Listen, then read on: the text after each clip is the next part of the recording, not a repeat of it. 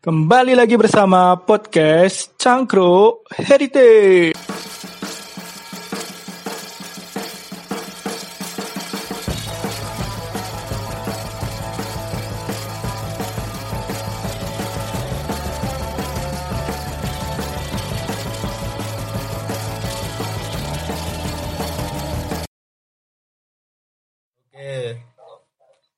Sekarang kita bersama seorang arkeolog perempuan ini ya, Prof ya. Iya betul sekali Gus. Namanya Lara Croft ya. Waduh, ada sponsor dari Honda semakin di depan. Oh, oh ya, biarin aja. Yamaha mah. Ya, biarin aja itu. Tema kita kali ini cukup menarik ini. Iya. Panas, bombastis. Itu apa, Prof? Jadi kita sore hari ini akan membahas arkeologi gender.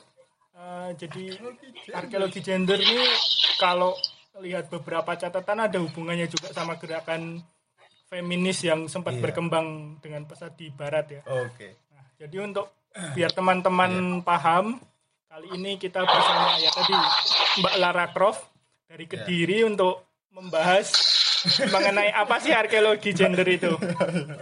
Ya, sebelumnya kita tanya dulu ya, teman-teman. Teman ngobrol utama kita ini. Halo, Mbak, Mbak Citra. Halo. Halo Mbak Citra. Halo, Halo. Halo, Mbaknya ini arkeolog feminis ya? Ya, nama saya Citra. Oh iya. Kok formal ya Mbak Citranya ya? Jangan kasih label arkeolog feminis dong. Ya kan kita nanya ini. Mbaknya ini arkeolog feminis bukan? Pasti nggak ngaku. Ya, Ya apa dong? Bukan, Oh, bukan. bukan. Mbak Citra sekarang lagi sibuk apa ngomong-ngomong?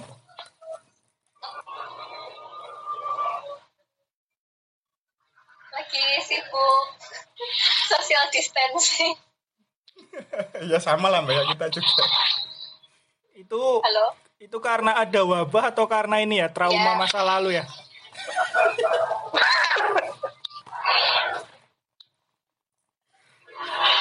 Karena apa? Paceklik. Oh, karena paceklik. Iya. Oke. Hidup. Oh iya, kita balik lagi ya teman-teman.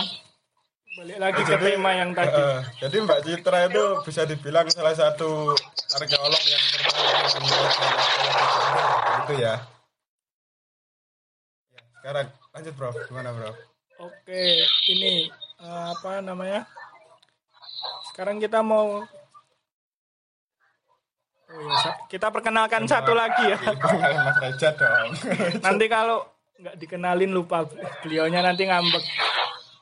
Soalnya haus akan pengakuan. Ini kita juga bersama Tuan Reza, salah satu mahasiswa S2 di Pembangunan Manusia dan Kebijakan Fakultas Visipol. Halo Mas Reza.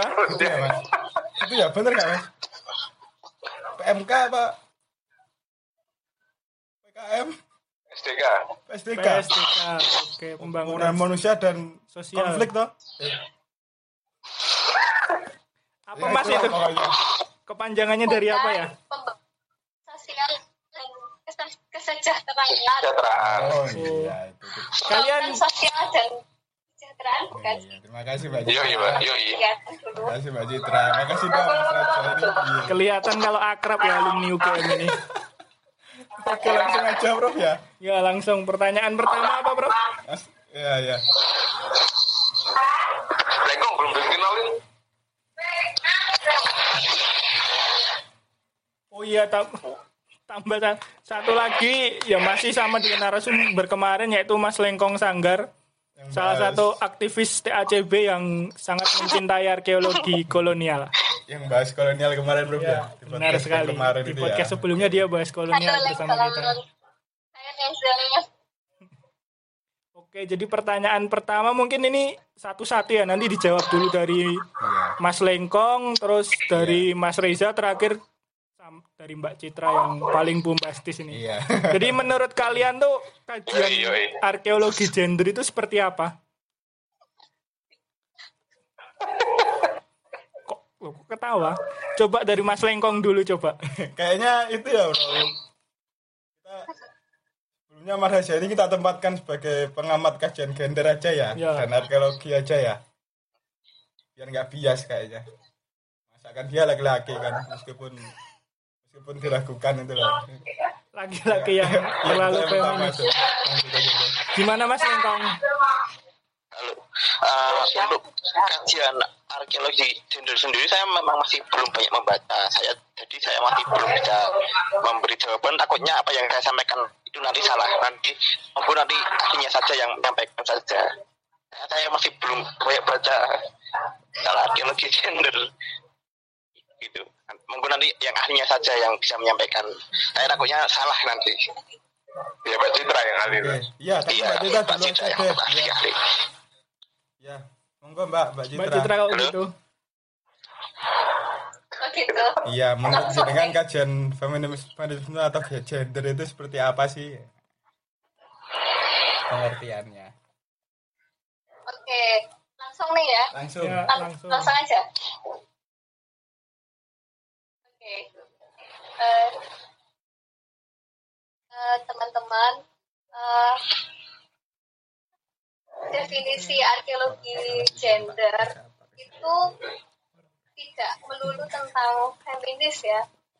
Jadi arkeologi gender itu kan semacam metode atau pendekatan di arkeologi untuk memahami masa lalu budaya materi dari perspektif gender. Dalam gender itu sendiri ada konstruksi, ada identitas gender, ada status dan peran, seksualitas, dan itu mencakup dua-duanya, tidak cuma feminin. Tidak. Jadi eh, mungkin itu dulu yang harus Iya. diingat bahwa nggak ada namanya istilahnya kayak arkeologi gender itu terkait sama feminisme tidak tapi Oh, gitu. gender itu kita dua-duanya iya ada feminin ada maskulin karena ini itu nggak ngomongin soal feminin feminisme aja gitu iya oh gitu mbak ya jadi kayaknya pertanyaannya yang benar itu kajian gender itu seperti apa gitu mbak ya kalau kajian gender sendiri itu seperti apa sih mbak Oke, kalau Iya. kalau arkeologi gender itu kan muncul karena kritik ya. Jadi muncul sebagai kritik atas bias gender. Nah, sekitar tahun 70-an di Eropa atau di Amerika itu kan eh, dalam interpretasi arkeologi peran perempuan itu nggak terlalu disinggung misalnya dalam masa sejarah ya itu selalu disebut man. Man the hunter man the toolmaker. Rimen tapi tidak ada kata di sana. Jadi itu early man iya. history kayak gitu kan. Oh, jadi aha. tidak disebutkan. Itu muncul karena kritik. Iya. Karena bias itu tadi. Itu itu terlepas dari peran peran arkeolog perempuan dan laki-laki di lapangan. Itu Iya. hal yang berbeda ya. Iya. Kalau ini sebuah pendekatan arkeologi untuk eh, untuk eh, memahami budaya materi yang ada dalam perspektif gender iya.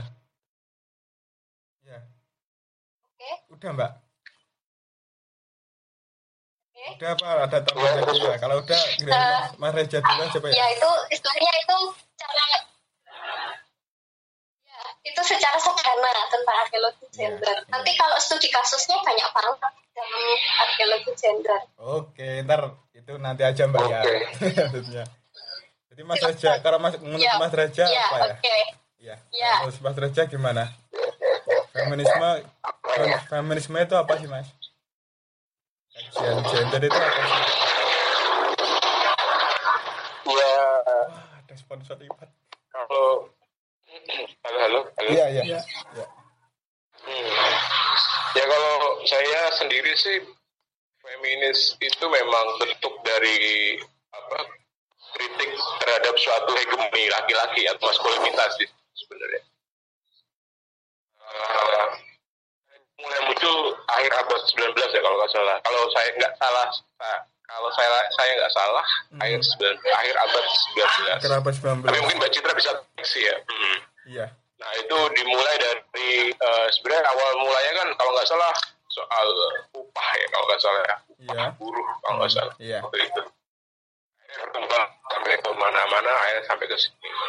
Nah eh, itu yang saya paham soal feminis dan feminisme pun juga tidak hanya satu tok gitu kan. Banyak sekali feminisme apa feminisme apa kayak gitu kan. Dan ya seperti itu. Bahkan kalau saya boleh bilang gerwani itu itu juga bentuk dari suatu feminisme. Iya, itu Di kayaknya konteks, untuk konteks di Indonesia Mas ya. Ini kalau konteks secara, Iya, iya. secara global itu di latar belakang ada perlawanan kaum feminis itu. ya Ada perlawanan terhadap ya hegemoni dari laki-laki Iya. atau patriarki bisa kita bilang seperti itu Oh iya iya. Uh, uh, ya itu sih kalau soal feminisme Oke. Lanjut aja bro. Oke, kalau itu saya mau coba nanggepin yang tadi apa? Jadi kan dibilang kalau misal arkeologi gender itu enggak berhubungan sama feminisme ya. Jadi Jadi kan kalau saya sempat baca artikel di Mag artikel sih kayak kayak artikel dari web di Magdalene itu kan arkeologi gender kan pertama muncul eh arkeologi gender. Sorry, feminisme itu kan Feminisme. pertama pertama kali muncul kan 1848 ya di New York. Itu jadi karena ada tujuan untuk penghapusan apa namanya perbedaan antara laki-laki dan perempuan dan hak memilih yang diprakarsai oleh Elizabeth sama Susan B. Anthony ya. Itu kan pada akhirnya eh, feminisme itu gerakannya kan berkembang kan ke semua lini sampai salah satunya kalau saya ngira sih sampai ke ilmu pengetahuan sih. Jadi kalau saya baca kemarin ada saya lupa artikelnya dari Mas Hendri apa ya? Ada Hendri A. Kaharudin itu lulusan arkeologi itu Oh iya kan. bilang kalau salah satu salah satu yang mempengaruhi itu ya memang ini apa namanya feminisme itu jadi karena munculnya gerakan feminisme Gerakan. Ya itu apa movement ya akhirnya kayak kayak orde baru ya gerakan gerakan ya. social movement ya. saya saya cinta Pak Harto jadi Lanjut bro. movement feminisme ini akhirnya membuat para wanita merasa perannya perlu ditonjolkan. Nah, nah karena itu saya berarti kan ada juga kemungkinan bahwa salah satu proses menonjolkan peran wanita kan melalui ini ya sejarah. Nah, arkeologi sebagai salah satu ilmu yang dekat dengan sejarah, saya pikir cukup ini juga terpengaruh kan akhirnya Iya. muncul arkeologi gender. Iya. Kalau Kayaknya- tadi dibilang yang bias gender, jadi peran wanita belum diangkat di masa lalu, saya pikir ya itu salah satu itu sih. Salah satu apa ya namanya? Salah satu bentuk pengaruhnya dari feminisme itu. Bener nggak kira-kira kayak Setuju gitu? nggak? Diskusinya kayak gitu mas. Monggo. Dari Mbak Citra dulu coba. Eh, Oke, terima kasih. Ya. Jadi emang kalau disebut sebagai pengaruh feminis, eh, pandangan feminis terhadap eh, istilahnya akhirnya muncul pendekatan arkeologi gender dalam keilmuan itu iya. Tadi Iya. saya istilahnya menggunakan kata bahwa tidak berhubungan itu karena di dalam arkeologi gender itu tidak hanya membahas tapi tentang maskulinitas juga. Oh gitu. bukan berarti itu tidak saling mempengaruhi karena kita kan nggak bisa memisahkan satu ilmu dengan ilmu yang lain. Kayak liquid gitu kayak fluid gitu kayak pengaruhi pasti. Dan itu semua terjadi di di barat gitu kan di di Amerika. Mereka yang mengawali untuk istilahnya ingin ingin isu kesetaraan itu tadi kesetaraan gender tadi Oh gitu. Kalau dari Mas Reza sendiri gimana mau nambahin? halo Halo, halo. Apa pertanyaan apa mas?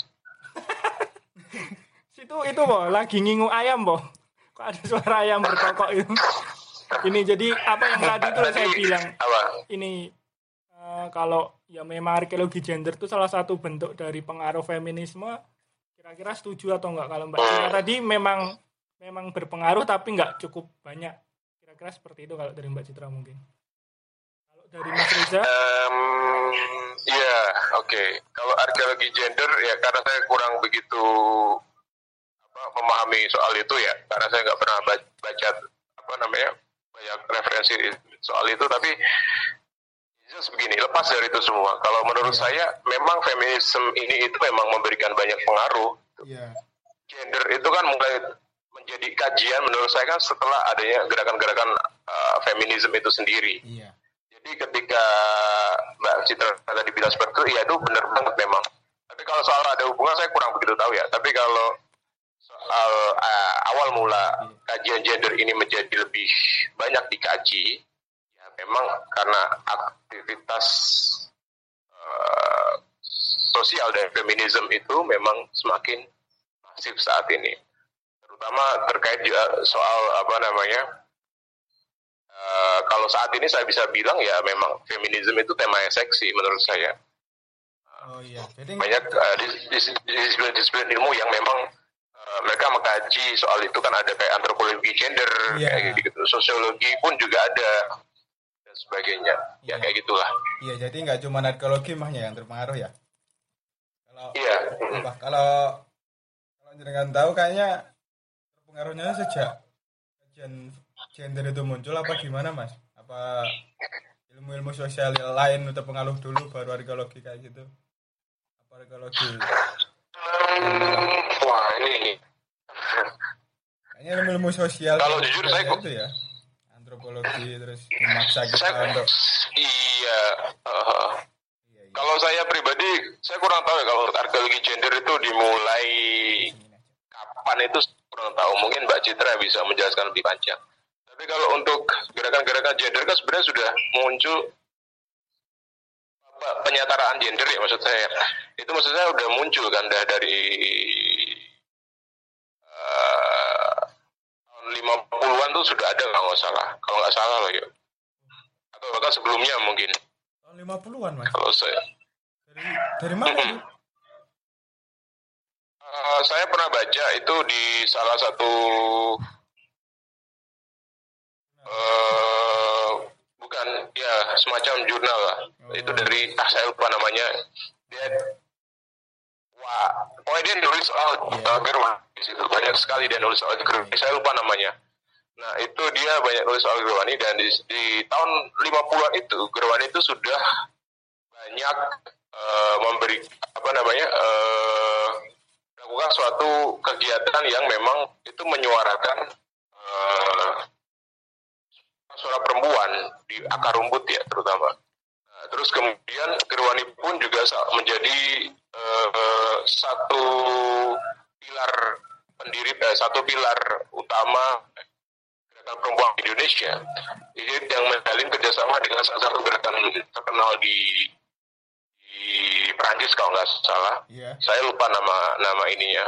Pokoknya ada di situ. Itu tahun 50-an kalau nggak salah. Atau tahun ya 50-an atau 60-an awal. Pokoknya sebelum di Gerwani itu di Brendel ya. Iya. nah itu di Indonesia. Kalau untuk kalau untuk kancah internasional ya harusnya lebih lebih lama dari itu. Lebih lama dari itu. Oke. seperti itu sih. Tapi kajian gender sendiri itu populer di tahun 1840-an tadi itu ya. Gimana? Mulai muncul ya Iya, mulai Iya sih. mulai dibicarakan lah ya. Hmm. Oke, sekarang gantian ke Mbak Citra coba. Eh, saya mau tahu kenapa arkeologi gender itu penting, Mbak? Kalau berkaitan dengan ta- tadi kan bilangnya udah mulai banyak udah mulai banyak apa namanya penelitian terkait gender kan. Nah, itu kan berarti kan ada orang-orang yang merasa kalau gender ini perlu untuk kita bahas kan seperti dibilang tadi. Nah, itu pentingnya apa kira-kira arkeologi gender ini? Silahkan Mbak Citra. Iya. Oke, Oke. ya. Jadi kalau mungkin eh, eh, arkeologi gender itu misalnya bagian dari sosial ya. Jadi sebenarnya setiap kajian yang dilakukan di arkeologi itu kan semuanya punya kepentingan. Saya punya punya nilai penting sendiri harus dibahas Iya. sebenarnya kalau di art gender mulai muncul Ya. sekitar tahun 70-an di Eropa dan Amerika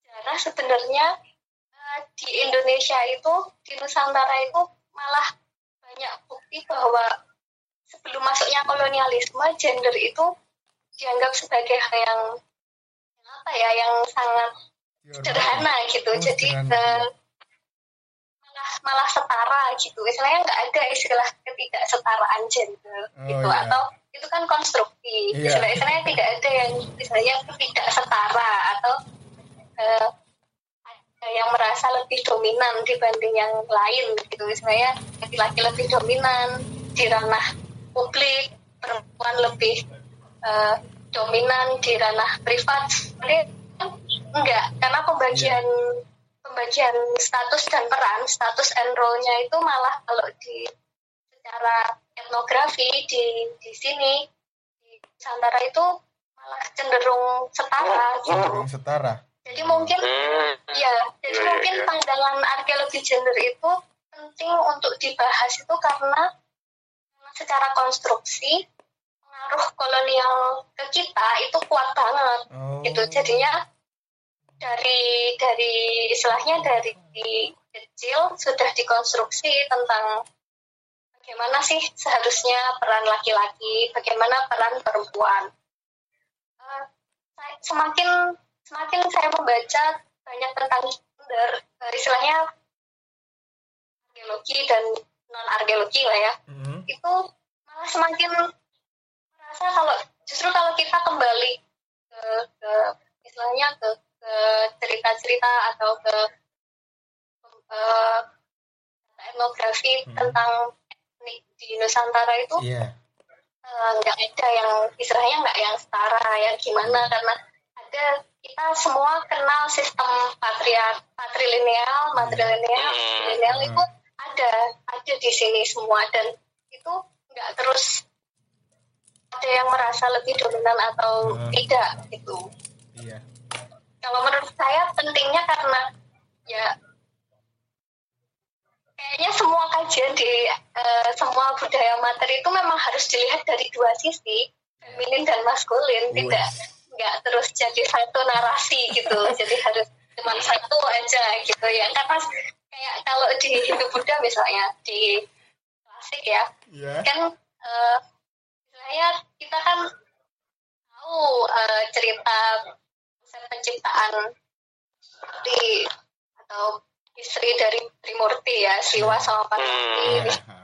dan Laksmi Brahma dan Saraswati Iya. kenapa konsep penciptaan sakti itu disebut dengan kata emanasi atau Iya. muncul Iya. itu karena kita bisa membayangkan bahwa di dalam satu tubuh itu pasti ada unsur feminin dan maskulin Iya. dan itu tergantung Betul. mana yang Oke, lebih muncul gitu Mantap, itu mantap. nggak bukan masalah yang mana yang lebih dominan lagi karena sekalipun laki-laki punya unsur feminin Iya. laki-laki juga punya unsur maskulin perempuan juga punya unsur maskulin dan feminin dan Iya. itu eh, kesepakatannya kesepakat kayak kayak yin dan Iya. yang gitu mbak ya kayak yin dan yang kan setara kalau konsep Heeh. yin dan yang kan tidak ada yang lebih besar atau Iya. apa namanya simbol Lebih unggul lah. Jadi itu kan nggak ada yang lebih Iya, lebar iya. dari yang lain kan Heeh. ukurannya Iya, sama Iya. proporsional Hmm. Berarti sama kayak misalnya ya di arca ardanari kan juga gitu ah penggabungan. ukurannya Iya. kan sama Iya. ya Hmm. Ya jadi oke pandangan kalau menurut saya kayak gitu. Oke, Bisa, mantap bisa kita anggap bahwa pandangan ini adalah konstruksi modern gitu mbak ya.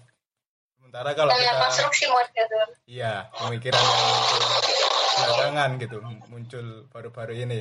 Sementara kalau kita lihat kehidupan masyarakat etnik kita, ya, Iya. nyata- nyatanya kita nggak menemukan apa yang dinamakan apa bias gender kayak gitu. Sebelum kita bias gender ya Iya. Kalau apa ya? Tadi kan con- contoh contohnya di arkeologi Mbak Citra itu mencontohkan di religi Hindu Buddha kayaknya. Kalau sebenarnya Iya. iya, fem- arkeologi feminisme itu kan di luar itu lebih dekat ke prasejarah sebenarnya Mbak. Ya. Maksud saya yang yang bisa menjelaskan Eh, sudut pandang itu kajian yang prasejarah. untuk American Hunter Iya. itu. karena karena munculnya di barat ya jadi Yang mulai di mereka barat. Nah ini nih benar eh, Mbak setuju saya. Nah, kalau karena itu semua dari barat ya Iya. istilahnya kita orang timur itu eh, mengenal konsep yin yang itu kuno sekali sudah sangat kuno Iya. nah. Iya. lucunya di barat Beda itu barat timur itu mungkin ya. ya, Ya, lanjut, Mbak. selalu ada barat dan Orientalism. Iya, kalau kita memang istilah saya eh, gimana? Kan di di dari masa sejarah ini juga banyak loh sebenarnya contoh eh, istilahnya peran peran perempuan. Kenapa kok yang jadi muncul cuma kata men, tidak ada woman? Padahal kita dapat banyak data atau temuan temuan arkeologi dari masa prasejarah, mulai dari Venus figur, terus figur Dewi di Syakal Huyuk, Iya. terus eh, ada analisis dari seni cadas di Gua Lasho. itu yang menunjukkan bahwa ada keseimbangan antara simbol laki-laki dan simbol perempuan yang di- diwujudkan dalam fauna-fauna yang ada di sana ada Oh. bison ada auroh ada ada deer ada Iya, rusa kan deer Iya, iya. ah. Las Chops gitu ya. Langsung di Prancis itu mbak ya. Las Chops. ada yang ya? menginterpretasikan bahwa Iya. itu ya Lasho di Prancis ya Lasho di Prancis Iya ya lanjut mbak. kalau dari teori strukturalis ya dari teori strukturalis dan arkeologi gender itu menunjukkan kalau itu ada peran yang yang, yang seimbang antara laki dan perempuan pada masa prasejarah. Jadi tidak hanya laki-laki yang berburu dan perempuan yang mengumpulkan makanan. Kayaknya Eh, sifat domestik dan publik eh, yang kita di situ itu eh, sebenarnya bukti arkeologinya Iya lanjut aja mbak. lemah gitu. Oh gitu ya. Iya. Gimana? Masih masih di sana. Masih relevan kan? Masih masih. Tapi Masih ini itu. ada pertanyaan kecil ya, apa namanya istilahnya nah, selingan. Pernah ngerasa nggak sih kalau memang apa? Jadi kalau tadi kan ada anggapan kalau misalnya eh, kepercayaan-kepercayaan tradisi dari masyarakat sendiri nggak nggak pernah apa namanya gender itu setara ya. Iya. Tapi pernah ngerasa nggak sih kalau Menurut justru ya. Apa namanya agama-agama besar sekarang itu yang justru mem- memperjelas Iya. bahwa gender itu berbeda apa Iya. posisinya.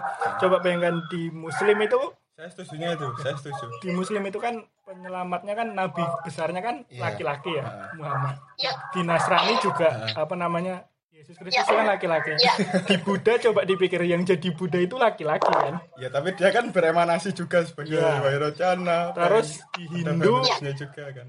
di Hindu juga tiga dewanya Ya. laki-laki. Buddha Maria, Buddha bahkan Maria.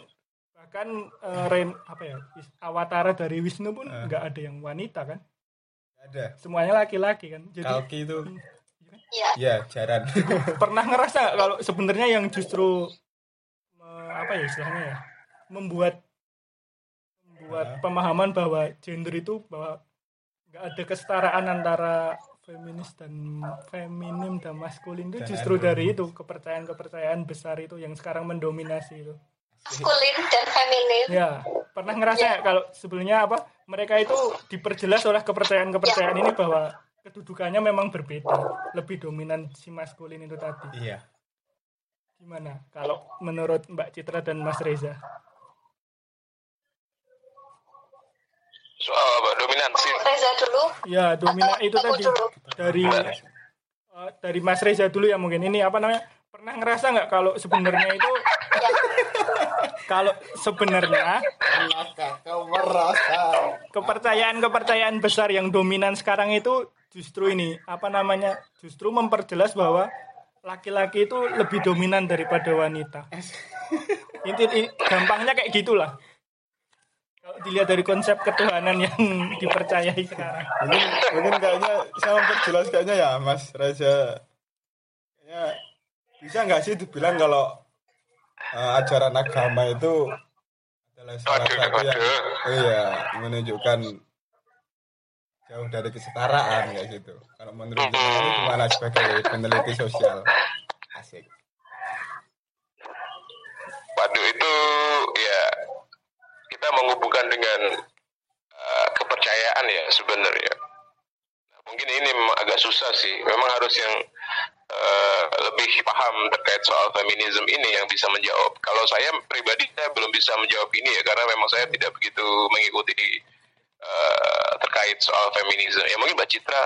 Tapi sebelum Mbak Citra ngomong ya, saya pengen menjelaskan apa ya? Kalau kalau maksudnya saya pengen melihat dari uh, apa namanya uh, feminisme itu sendiri yang tadi pertanyaan pertama malah mungkin saya agak sedikit uh, memundurkan lagi ya tapi oke okay lah. Hmm. Nah di sini saya melihat sih kalau semisal feminisme itu maksudnya kan itu merupakan suatu uh, jawaban dari suatu uh, ketidakadilan yang dan sebenarnya kita tuh baru bisa melihat itu ketika nanti setelah satu atau dua periode ke depan menurut menurut gue ya nah, terus ke kemudian feminisme ini pun juga gini kalau saya melihat feminisme adalah bentuk dari bentuk perlawanan dari ketidakadilan dari seorang perempuan nah kalau kita bandingkan yeah. dengan laki-laki jika seorang laki-laki kan ketika mengalami ketidakadilan, dia mungkin hanya mengalami suatu kayak kemalangan lah ya, kayak misfortune atau yeah. apa pun itu. Kemudian bagi perempuan, ketidakadilan itu adalah penderitaan. Bahasa Inggrisnya, misery, misery ya, misery. penderitaan. Nah, ya, satu konsep yang mungkin, nah, satu konsep yang mungkin itu tidak pernah dipahami oleh laki-laki. Penderitaan pada laki-laki kan sebenarnya ada penderitaan yang karena hak ya uh, menurut saya. Iya. kekurangan hak yang yang itu jelas hmm. kalau dibandingkan perempuan. Penderitaan perempuan itu lebih wow lebih banyak sekali lebih kulminasi dari semua jenis penderitaan kalau iya. menurut saya. Iya setuju mas. Jadi, kalau kalau menurut ya, kami itu emang hmm. laki-laki itu cuma menderitanya cuma pas sunat. Kan perempuan harus iya, melahirkan iya, ya, melahirkan itu kan cuma satu kadang-kadang ada setelah uh, uh, setelah KB itu baru uh, dua nih. Sekarang ya anaknya 15, 16 gitu ya Prof ya. ya. Tapi kan sekarang bisa kan pasang rahim mungkin. ya saya setuju kalau, kalau soal bandingan dalam hal itu. Jadi, kalau mau dilanjutkan lanjut. Ya, hmm. lanjutkan aja Mas. Gimana masih ada ya, kalau Terus kemudian terkait soal apa namanya? Uh, konteks Indonesia ya menurut saya. Kalau yeah. di Indonesia tuh kalau bisa dibilang kita feminisme mungkin belum sampai kalau menurut saya. Karena di Indonesia di feminisme itu lebih tajam dan lebih radikal menurut saya. Karena itu mungkin nggak tahu ya, mungkin Mbak Citra banyak pada ngalamin. Tapi kalau menurut yeah. saya feminisme itu lebih tajam yeah. karena ia menginginkan segala jenis patriarki itu berakhir. Nah kita di Indonesia itu apa ya itu kan masih belum sampai ke situ karena sampai oh. sekarang kita bisa melihat bahwa hierarkisme itu masih terjadi. Hmm, kenapa kok ada enggak... mungkin agama tadi itu sendiri. Ya mohon maaf saya potong mas ya. Dan, kenapa kok nggak bisa se pesat itu di Indonesia? Kenapa mas? Kira-kira ada faktor sejarah apa apa yang mempengaruhinya? Gitu? Sepesat gitu? apa? Maksudnya apa? Enggak. Kalau jangan bilang tadi kan family gerakan ini enggak se nggak bisa maju pesat kan belum iya, sampai iya, itu kalau itu tadi karena menurut oh, gini gini kalau iya. menurut saya memang ada, di sini kan ada ada budaya yang sangat mendominasi menurut saya moralitas Indonesia moralitas bangsa Indonesia itu malah itu menjadi salah satu bentuk uh, rintangan dari feminisme ya di mana moralitas tadi itu adalah hasil dari uh, uh, budaya yang budaya tadi didominasi oleh patriarki. Nah, hmm. mungkin kita bisa mengubah itu dengan agama sebenarnya patriarki itu sendiri. Nah, hmm. makanya saya bilang bahwa konteks filosofis di Indonesia itu soal feminisme itu masih lebih ke gender equality, bukan belum sampai feminisme kalau menurut saya loh ya. Itu sih. Bedanya apa ya Mas? Gender equality sama feminisme itu tadi. Ya, sambil diskusi. Nah, feminisme saya bisa bilang bahwa feminisme itu adalah mereka tuh mengingat segala jenis patriarki itu berakhir maksudnya tuh kalau menurut saya loh ya menurut saya uh, mungkin Mbak Citra punya pandangan lain nah, yeah. itu seperti itu. Beda dengan konteks gender equality kalau menurut saya. Mm. ya mungkin gender uh, lebih, lebih satu step above di bawah dari feminisme itu sendiri. Mungkin loh ya. Saya kurang tahu juga sih tapi ya itulah jawaban mm. saya. Kalau Mbak Citra gimana? Setuju nggak sama jawabannya Reza atau punya pendapat lain? Halo. Iya. Ya. Uh, ya. Uh, Oke. Uh, pendapat Reza. Oke. Hmm, jadi mayoritas nggak setuju. Tapi ada yang setuju juga. Jadi mayoritas ada yang setuju, ada yang tidak setuju juga. Uh, ya kita sama-sama ya. Maksudnya kita sama-sama belajar tentang gender, arkeologi gender. Sebenarnya itu miskonsep istilahnya uh, pandangan umum yang menganggap bahwa segala sesuatu identitas itu adalah tentang uh, menghapuskan patriarki dan Hmm. istilahnya itu sesuatu yang ekstrim gitu ya. Hmm. Padahal kita tahu bahwa sekarang kita udah masuk dalam fase postmodernis. Mm-mm. Di Mm-mm. Wah, pandangan postmodern, Iya. arkeologi gender itu masuk di kajian postmodern ya. Postmodern itu kita nggak lagi ngom- ngomong yang lebih kuat atau lebih lemah, tapi itu semua sifatnya kesepakatan. Jadi apa yang disepakati dalam suatu eh, suatu komunitas, istilahnya sifatnya jadi partikular ya, jadi khusus, jadi sifatnya per case. Kita nggak bisa bikin general bahwa semuanya itu sama tidak sama. Setara itu tidak sama dengan sama. Istilahnya setara itu benar. tidak harus disamarata. Istilah gender aja kita pakai konstruksi sosial. Padahal kalau kita mau pakai istilah biologi, manusia, individu itu cuma dibagi dua. Istilahnya jantan dan betina. Gitu. Jadi genitalianya kan yang aja gitu. Tapi kalau di gender itu ada gender bahkan di Bugis itu ada gender gitu ada lima lima bentuk gender. Misalnya tadi Reza nyebut ada penderitaan laki-laki yang dianggap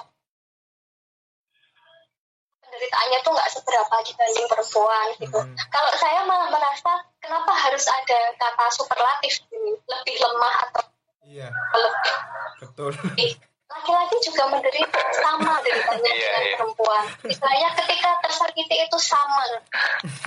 sama. Iya, iya. Jadi, Oke, Mbak. kalau di pandangan arkeologi gender teori postmodernis itu kita Iya. udah nggak lagi ngomongin soal Ada yang lebih misalnya kayak gitu gini ya. pandangan bahwa arkeolog laki-laki pasti tangguh di lapangan itu Iya. itu nggak benar Oh. pandangan bahwa arkeolog perempuan lebih lemah juga nggak selalu salah Iya. jadi ya ada juga yang lemah laki-laki yang lemah. Nah, itu masuk feminisme mana, Mbak? Itu masuk Kalau feminisme sama-sama mana? Ya sama-sama kuat. Tapi kalau sama-sama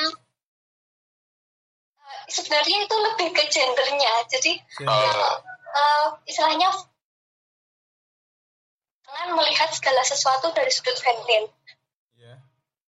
Sisi feminin dan itu nggak cuma berlaku di perempuan. Ini laki-laki kan juga punya sisi feminin dan dia Oke. juga pengen diakui gitu kan. Oke. Kayak laki-laki tuh juga kayak Reza caring, butuh pengakuan juga itu. kayak perhatian gitu punya sisi sensitif kayak gitu jadi harus Iya, iya. akui dan di pandangan gender istilahnya itu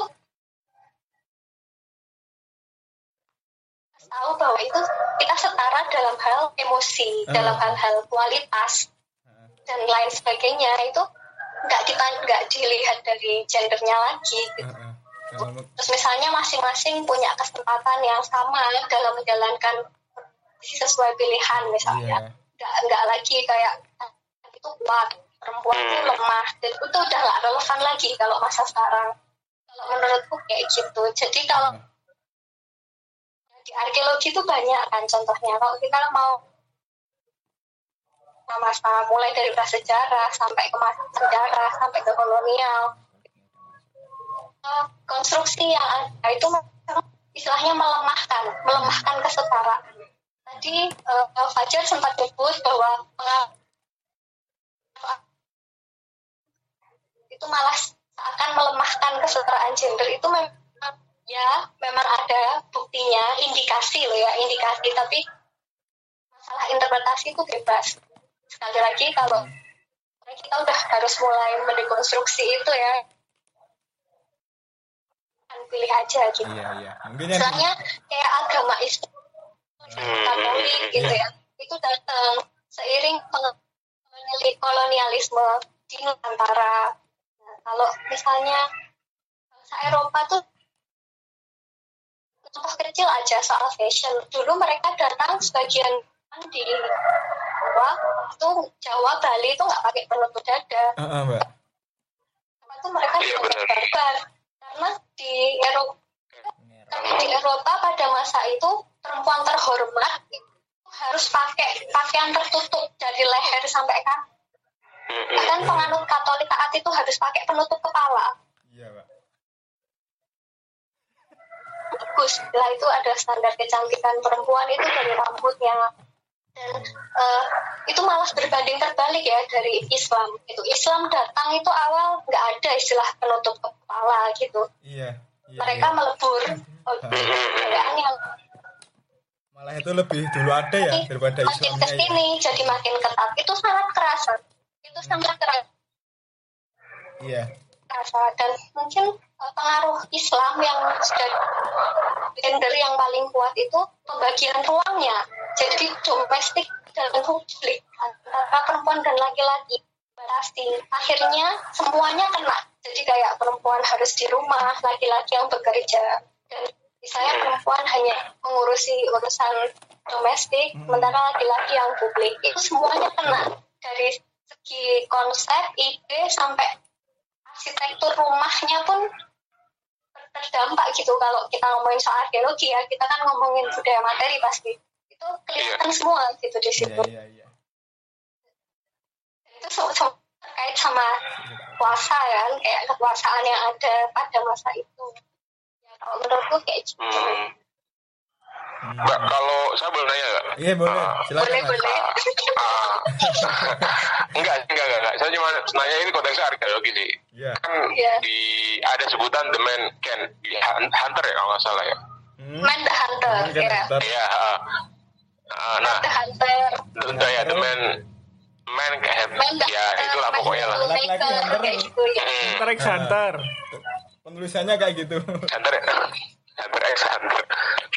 Nah, apa namanya kalau saya punya pendapat sih. Nah, sebenarnya itu perempuan tadi itu dalam konteks manusia eh pra, ma- manusia prasejarah itu sebenarnya mereka tuh lebih diistimewakan karena mereka memiliki sesuatu yang tidak bisa dimiliki oleh laki-laki yaitu adalah bisa menghasilkan keturunan. Hmm. Nah, karena itulah mungkin mereka ditempatkan di dalam dalam dalam bentuk atau di dijawatakan ya tadi domestikas domestik lah ya istilahnya.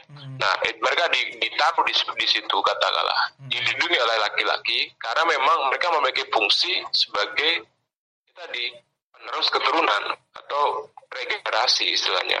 Karena itulah perempuan tidak diberikan ini, ini terlepas dari soal kapabilitas fisik ya, tapi lebih ke soal fungsi yang menurut saya perempuan memang fungsinya di situ kan dipandang s- eh, bisa menghasilkan keturunan. Karena itulah dilindungi. Kemudian dengan cara apa melindunginya? Ya dengan cara mereka bekerja dalam ruang-ruang domestik. Kayak gitu. Iya. Itu benar nggak mbak? Atau gimana mbak? Monggo, ya Mbak. oke wow wow interaktif ini. Jadi- Bebas bertanya, bebas berdiskusi. Monggo, Mbak. Monggo mbak. Oke, eh, jadi kita nggak nyari bener salahnya ya. ya. Iya iya. Maksudnya itu, Pandangan aja. itu pandangan, itu sebuah pandangan ya. Kita maksudnya, eh, tapi secara logika gini deh. Misalnya, eh, apabila memang proteksi dibutuhkan oleh perempuan karena dia punya kemampuan untuk reproduksi itu tadi. Hmm. tapi kita perlu ingat bahwa proses reproduksi atau penciptaan itu kan ada dua. Iya. Misalnya eh, tetap perempuan dan laki-laki. Perempuan sendiri nggak akan bisa, laki-laki sendiri juga nggak bisa. Iya, kita kan pakai inseminasi buatan ya. Iya. Ya, jadi Itu yogi itu hasilnya itu yogi. Papa. Papa Cikur suka suka sendirian. AGR toh. jadi eh, Terus terus. tetap tetap nggak bisa kalau hanya satu dan pandangan bahwa itu muncul karena karena kebutuhan untuk melindungi atau proteksi itu itu saya kira nggak nggak terlalu kuat ya jadi kayak Oh. kalau dari segi fisik istilahnya dari segi biologi mungkin eh, paling gampang tuh di buku sapiens lah ya yang sekarang yang Iya, iya. beberapa waktu lalu Ibu siapa itu sangat sederhana dijelaskan Halo. Sapien, sapien. Ibu Eh, Sapiens itu buku apa? sapiens buku sapien Oh, buku Sapiens. sapiens ya yang sapiens Iya, iya, Mbak. ya Dengarnya ibuku itu paling Sapiens. mudah dijelaskan. Istilahnya buku-buku Iya. Aku dengarnya ibuku. di eh, di buku sapiens Iya. yang oh ya oke bukan. Buku. Eh, itu paling gampang ya dijelasin. Kalau misalnya kayak eh, kita pakai terminologi biologi manusia jantan dan betina sama mempunyai karakter fisik yang kuat dari prasejarah ya. Dari Homo erectus sampai ke sapiens evolusi. Itu nah ini memang masih belum ada bukti yang menunjukkan bahwa yang berburu itu cuma laki-laki sementara perempuan yang makan makanan ada perempuan dan laki-laki mungkin mereka bersama berburu gitu. nah eh, dan ya, jadi istilahnya tugas-tugas itu dibagi rata antara perempuan dan laki-laki Eh, terus mungkin itu juga ditarik ke masa selanjutnya ya yang lebih kemudian kemudian dari prasejarah terus masa sejarah terus dari komunitas etnografi kenapa muncul matrilineal istilahnya dari garis ibu dan garis tidak hanya dari garis ayah Ah. Eh, kalau sekarang mungkin dominannya memang patri ya Iya. kalau Jawa tuh ambi dua Jawa jadi dua. dua-duanya bisa lebih Iya. fleksibel Ah. ya kayak misalnya di suku-suku di timur di em, wilayah ya Austronesia bagian timur Iya. itu masih menerapkan matrilineal misalnya mengikuti garis ibu Iya. kalau dari segi genetik juga itu sangat apa ya banyak gitu uh, artikelnya yang sekarang tuh muncul bukti bahwa uh, evolusi manusia itu kromosom XX dan XY-nya itu Hmm. uh, saling saling mengikuti gitu kan dulu ada yang menyebut pandangan bahwa yang menurunkan gen tertentu itu cuma kromosom XX X, X. Ya, pernah dengar saya. Benar-benar. XY, ya, Laki-laki ya itu. Ya, tapi ini semua ya X-nya laki-laki, XX perempuan dan itu Oh. uh, semuanya saling mempengaruhi dan saya pikir dalam gender itu yang paling utama adalah prinsip memegang kesetaraan. Tapi Oke. tadi Reza nyebutkan mungkin itu keinginan dari uh, laki-laki untuk melindungi perempuan dan apabila perempuannya tidak keberatan istilahnya itu kan kesepakatan ya nggak masalah itu nggak masalah nggak usah tapi jangan diterapkan hal yang sama ke semua orang itu aja kuncinya Berarti pandangan saya patriarki banget ya. Gawat, gawat ya kamu. pasti ya bu- bukan patriarki banget sih tapi mungkin lebih maskulinnya ya karena Ya. ada sisi maskulin yang secara alami muncul gitu Oh, kayak ya, mantap mantap. Contohnya apa, Mbak? ya Sisi yang Apa? alami. Oh, mungkin pendapat tadi sangat ditunggangi oleh sisi apa sisi alaminya ya Mas Maskulinitas. Itu. maskulinitasnya ya gandeng kan bisa tuh.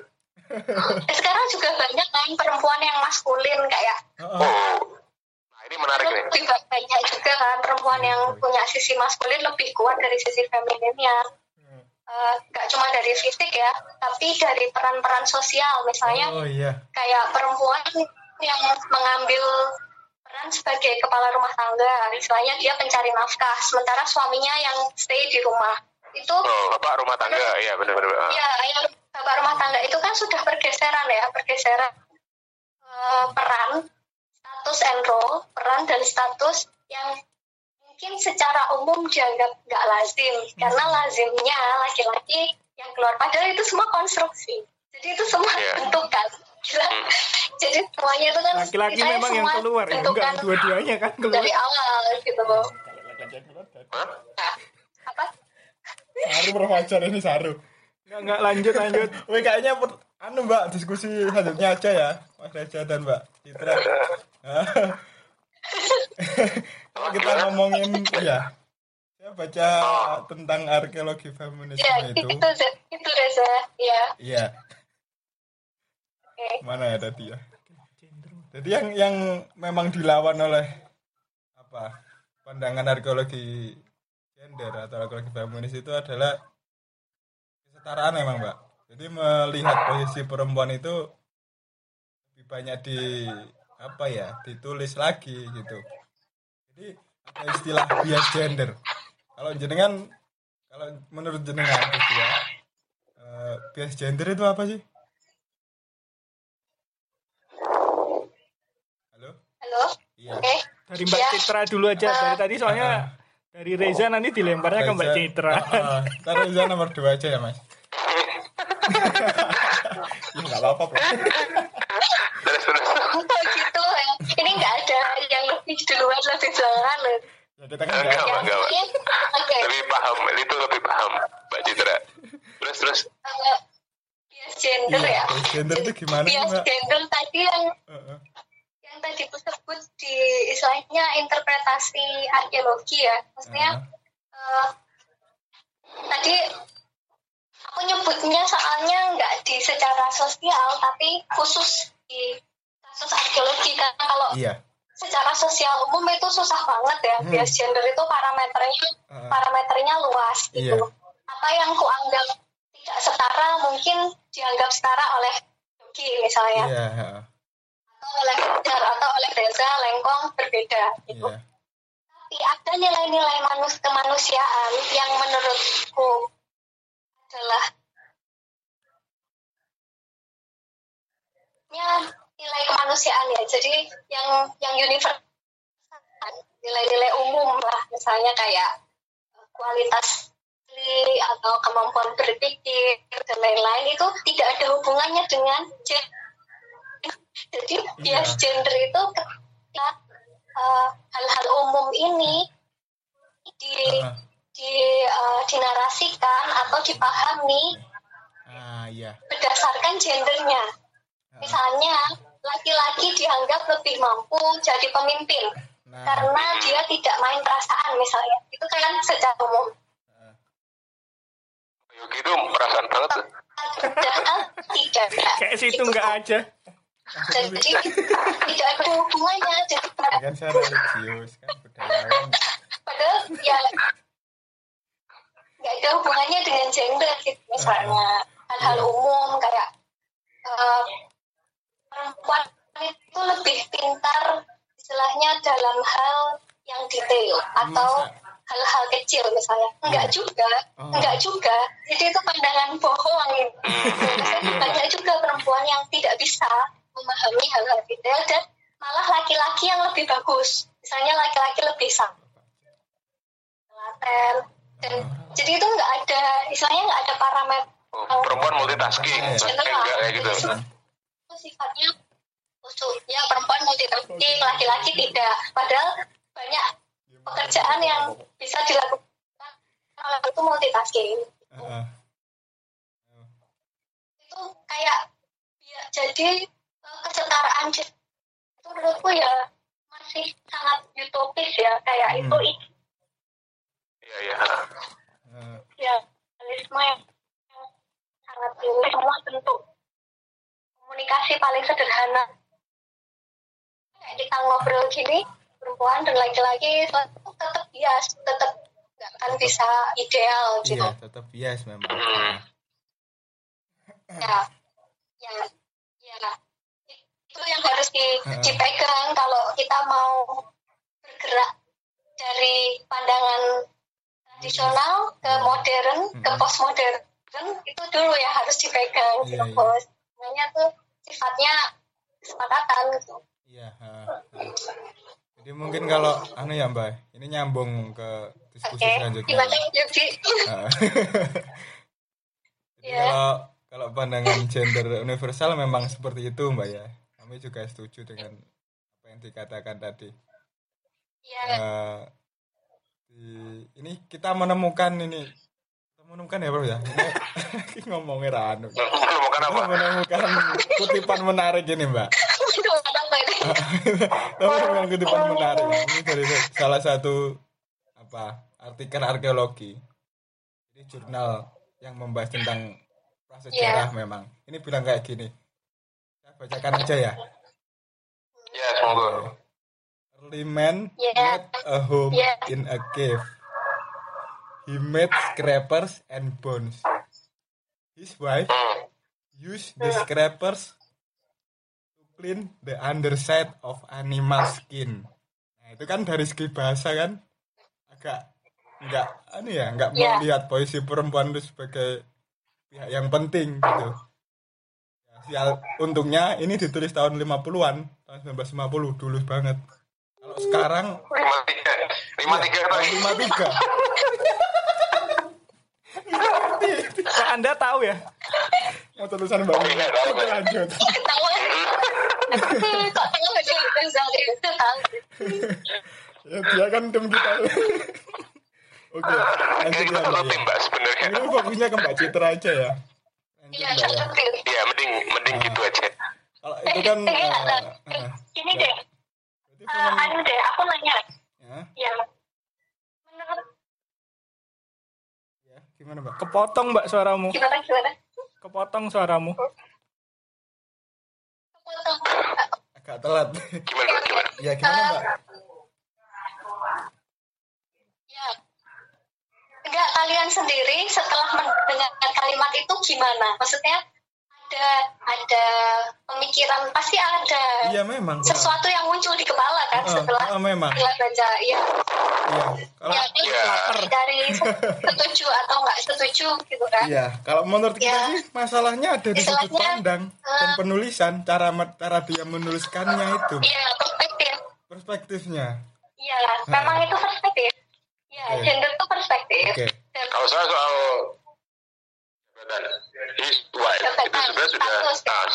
ah, yoi, itu his wife itu sudah enggak His wife. enggak apa ya mm, Terus apa yang dia kerjakan dong, me- Masa cuma Iya, me- iya. mengerok itu kan. eh.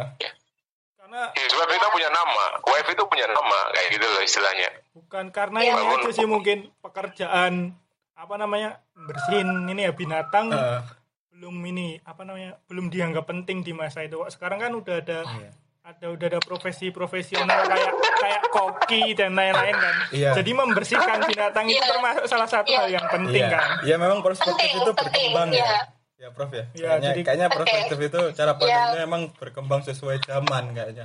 Mungkin ketika tahun 1953 mereka yang baca art buku atau artikel ini menganggap kalau peran perempuan belum penting karena ketika itu eh, belum ada apa namanya pembagian profesi profesional koki belum terangkat gitu. Mungkin. Jadi kalau mungkin. sekarang kita yang sekarang Iya. dengan berbagai apa namanya berbagai data yang kita punya kita tahu kalau ternyata chef itu punya punya nilai tersendiri kita jadi tahu kalau kalimat ini nggak ada yang salah karena Oke.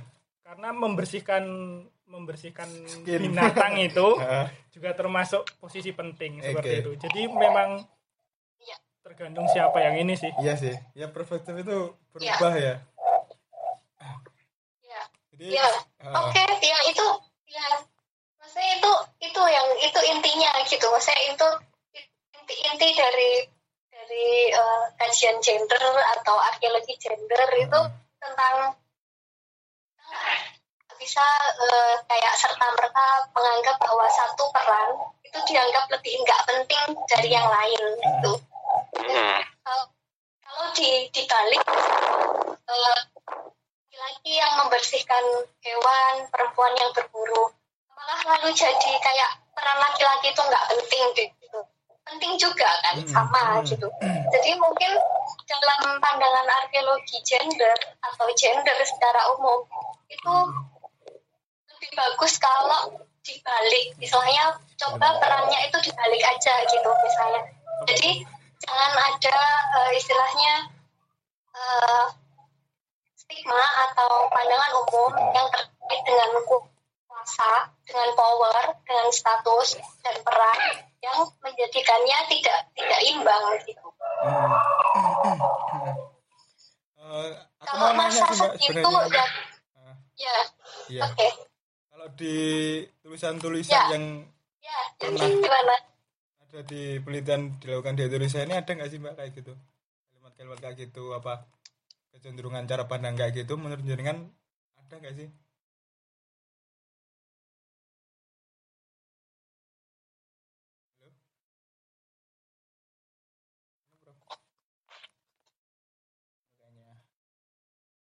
Agak masalah dengan eh, koneksi. koneksi ya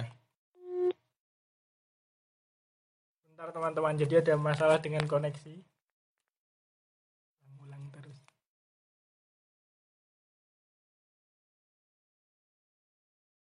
Oke, kita balik lagi. Kita menyambungkan kembali ke anu teman-teman. Oke.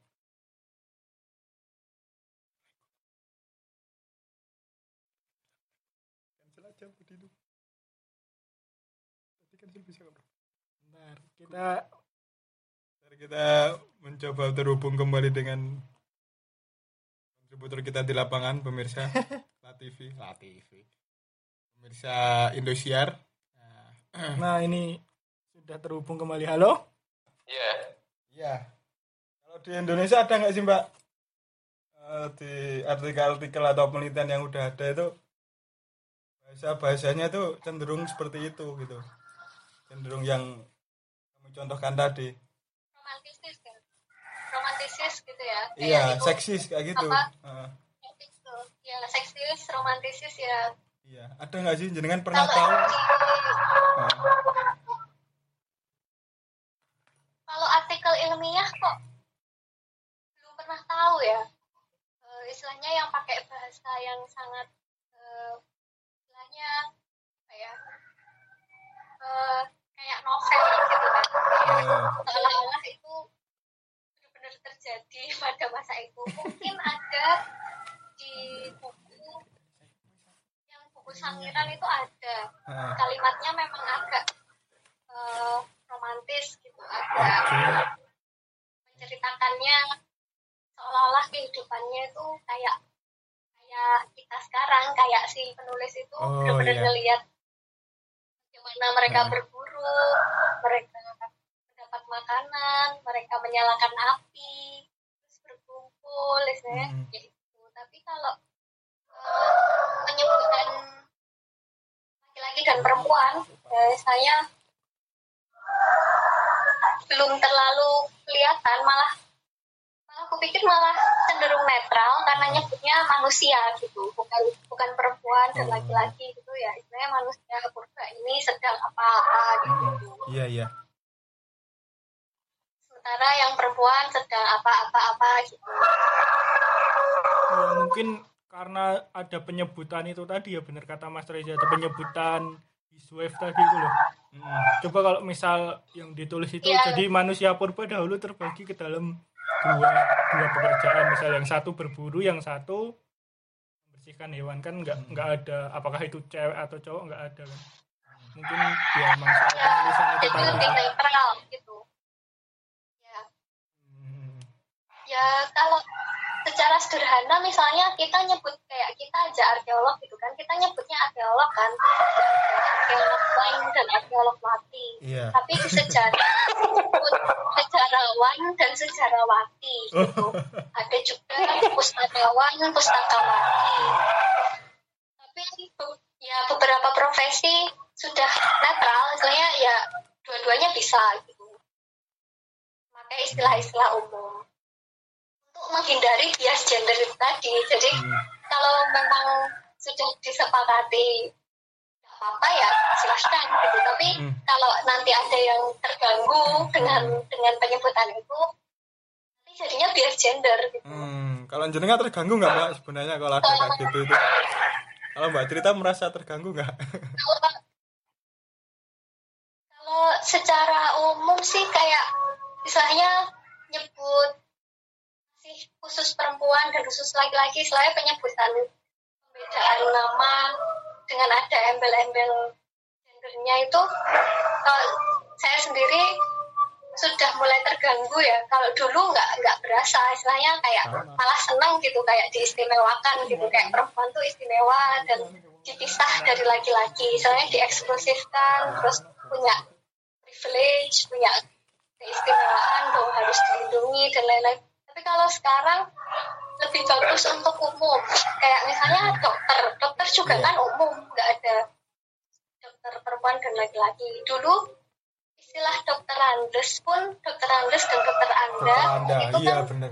nggak ada. Iya, Ah, benar benar. DRI dan DRS iya mungkin kalau semuanya tuh kalau di itu kan dari Belanda ya. Kalau Iya. di Belanda kan semua dokter Andes laki perempuan. Ah, ah, sama itu- aja. Heeh, soalnya di Indonesia itu pas masuk orde baru itu loh mbak dokter ada dokter ada terus ada bayangkara bayangkari ya kan Ya. Persib, tentara itu kan ya mas Reza ya ya mas Reza ya Iya. Kan eh, kayaknya yang yang me- Iya, meruntuhkan itu sebelum itu kan kayaknya Kirwani itu ya kayak yang yang betul me- me- benar benar. mengarahkan tentang gender hmm, tapi mereka berangkat dari pandangan komunis Iya. sosialis kayak gitu sementara eh, Pak Harto Iya.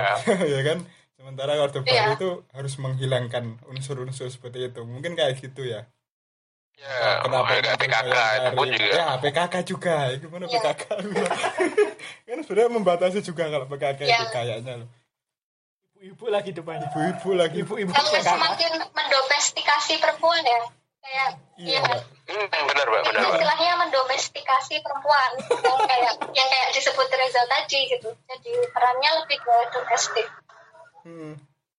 Iya benar Mbak. Gimana, Saya juga setuju sih kalau so, apa kalau soal orde baru memang saya bisa bilang bahwa it- mereka mendegrada- mendegradasikan soal uh, fungsi dari perempuan itu sendiri. Maksudnya, nah sebenarnya dikotomi antara perempuan dan laki-laki kan semakin semakin lebar ketika orde baru itu ada kalau menurut saya. Iya. Tapi kan dikotomi emang udah dari dulu kan, Mas. iya Memang itu Memang, udah udah struktur manusia memang lebih mem- besar. membagi iya sesuatu jadi dua kan.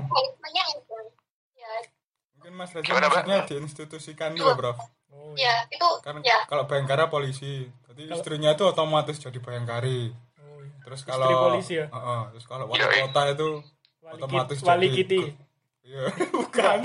Istrinya jadi ketua PKK gitu Makanya, sampai sekarang loh itu ya makanya, tanggapannya Mas ya lebih ke ya Gimana, lebih Mbak? ke status Iya. lebih ke statusnya ya lebih ke status sama peran sih menurutku mungkin yang iya, ha.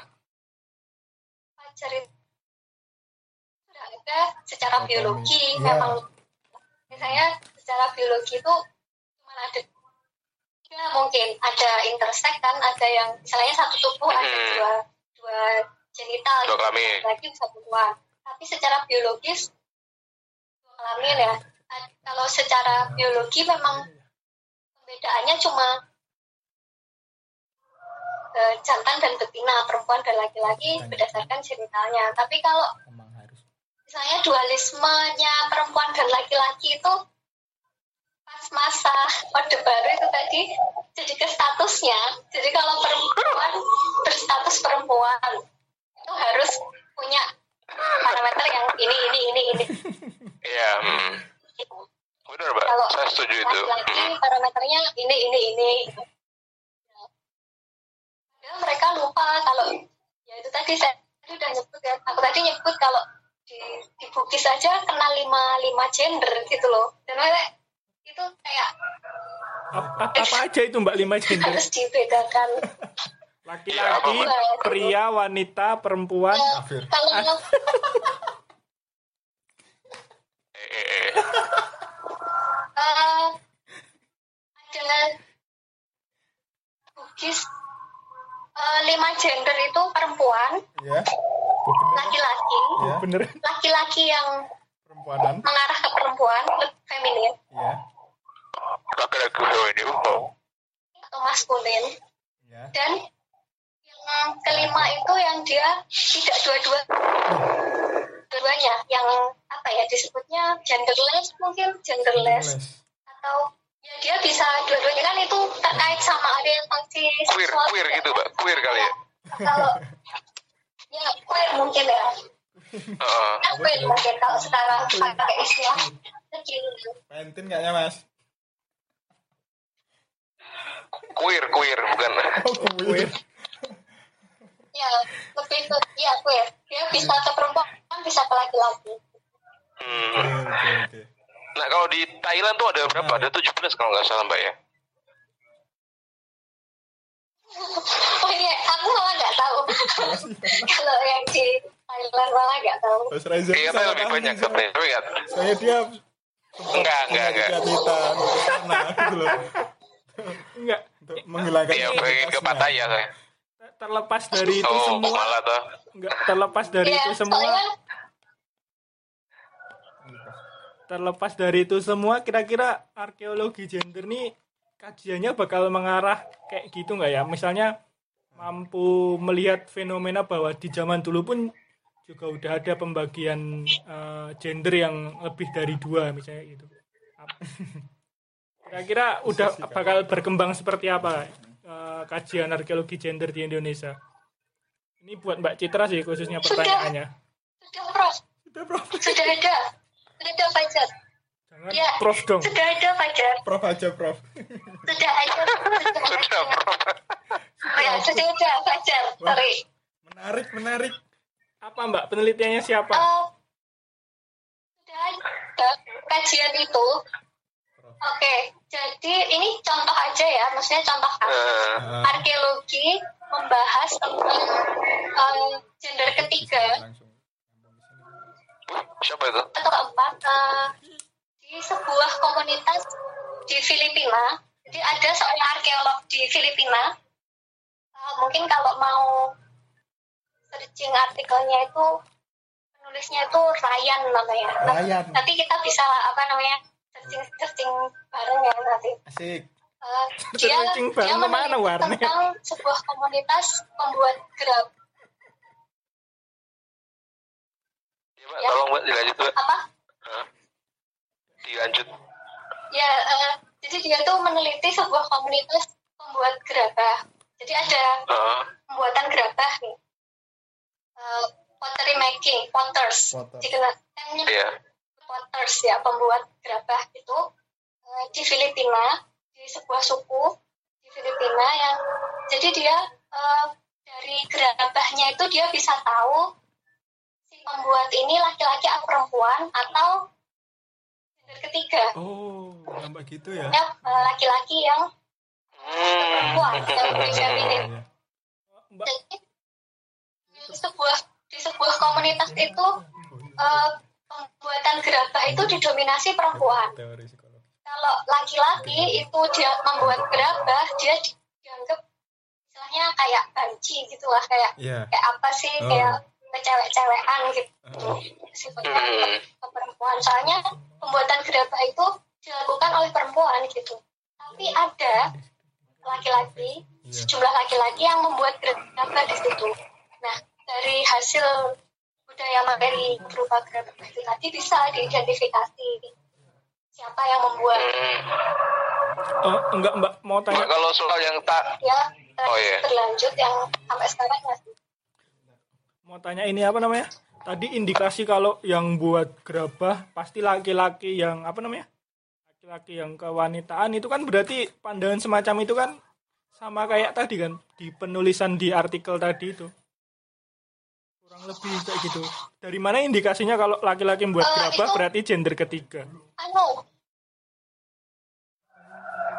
kan laki-laki feminis. itu etnografi prof jadi aduh nyebut lagi prof jadi itu etnografi itu etnografi jadi masih ada komunitasnya jadi yang diwawancara itu masih ada gitu kan kalau kalau budaya mana Masih hidup. Oh iya iya. iya.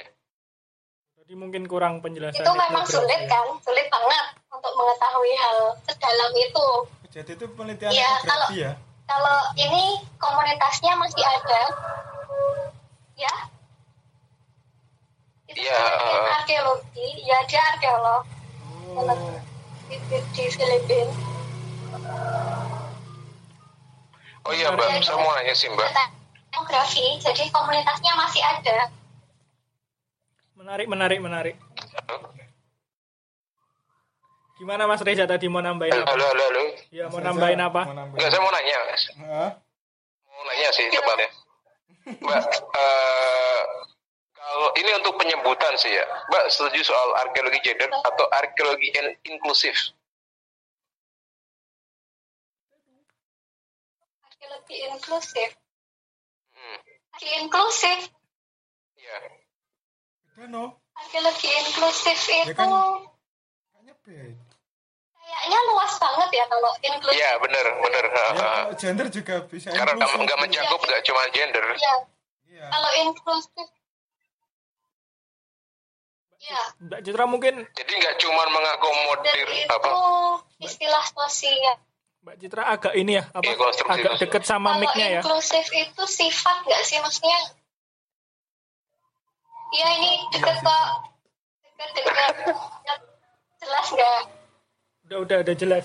jelas Jelas mbak, nggak terus. Udah jelas. Ha, ha. tes tes oke Kurang ya Eh, Gimana? jadi kalau kalau gender itu kan istilah sosial makanya dia terminologi sosial kalau inklusif Mhm. lebih luas kayak sifat sifatnya tuh inklusif Terminologi yang SDGs. dibahas itu gender itu nggak sih atau apa gimana Iya. Salah satu Iya. salah satunya gender ya inklusif. ya jadi sifatnya inklusif tapi yang dibahas ini gender gitu Iya. di dalam gender ada banyak ada macam-macam gitu ya, Mhm. Berarti emang lebih setuju kalau misal dibuka mata kuliah arkeologi gender gitu Pak ya, dibanding arkeologi inklusif. Iya. Dulu dulu memang nama mata kuliahnya arkeologi gender. Kalau di arkeologi UGM ya, itu ada Hmm. mata kuliah arkeologi gender. Nah, dilebur, diinklusifkan menjadi arkeologi sosial. Hah? Ini kan beda itu. Arkeologi sosial itu pun akhirnya di- ditiadakan. Ya, akhirnya itu ditiadakan juga. Jadi baik arkeologi gender maupun ar- arkeologi sosial akhirnya tidak ada lagi.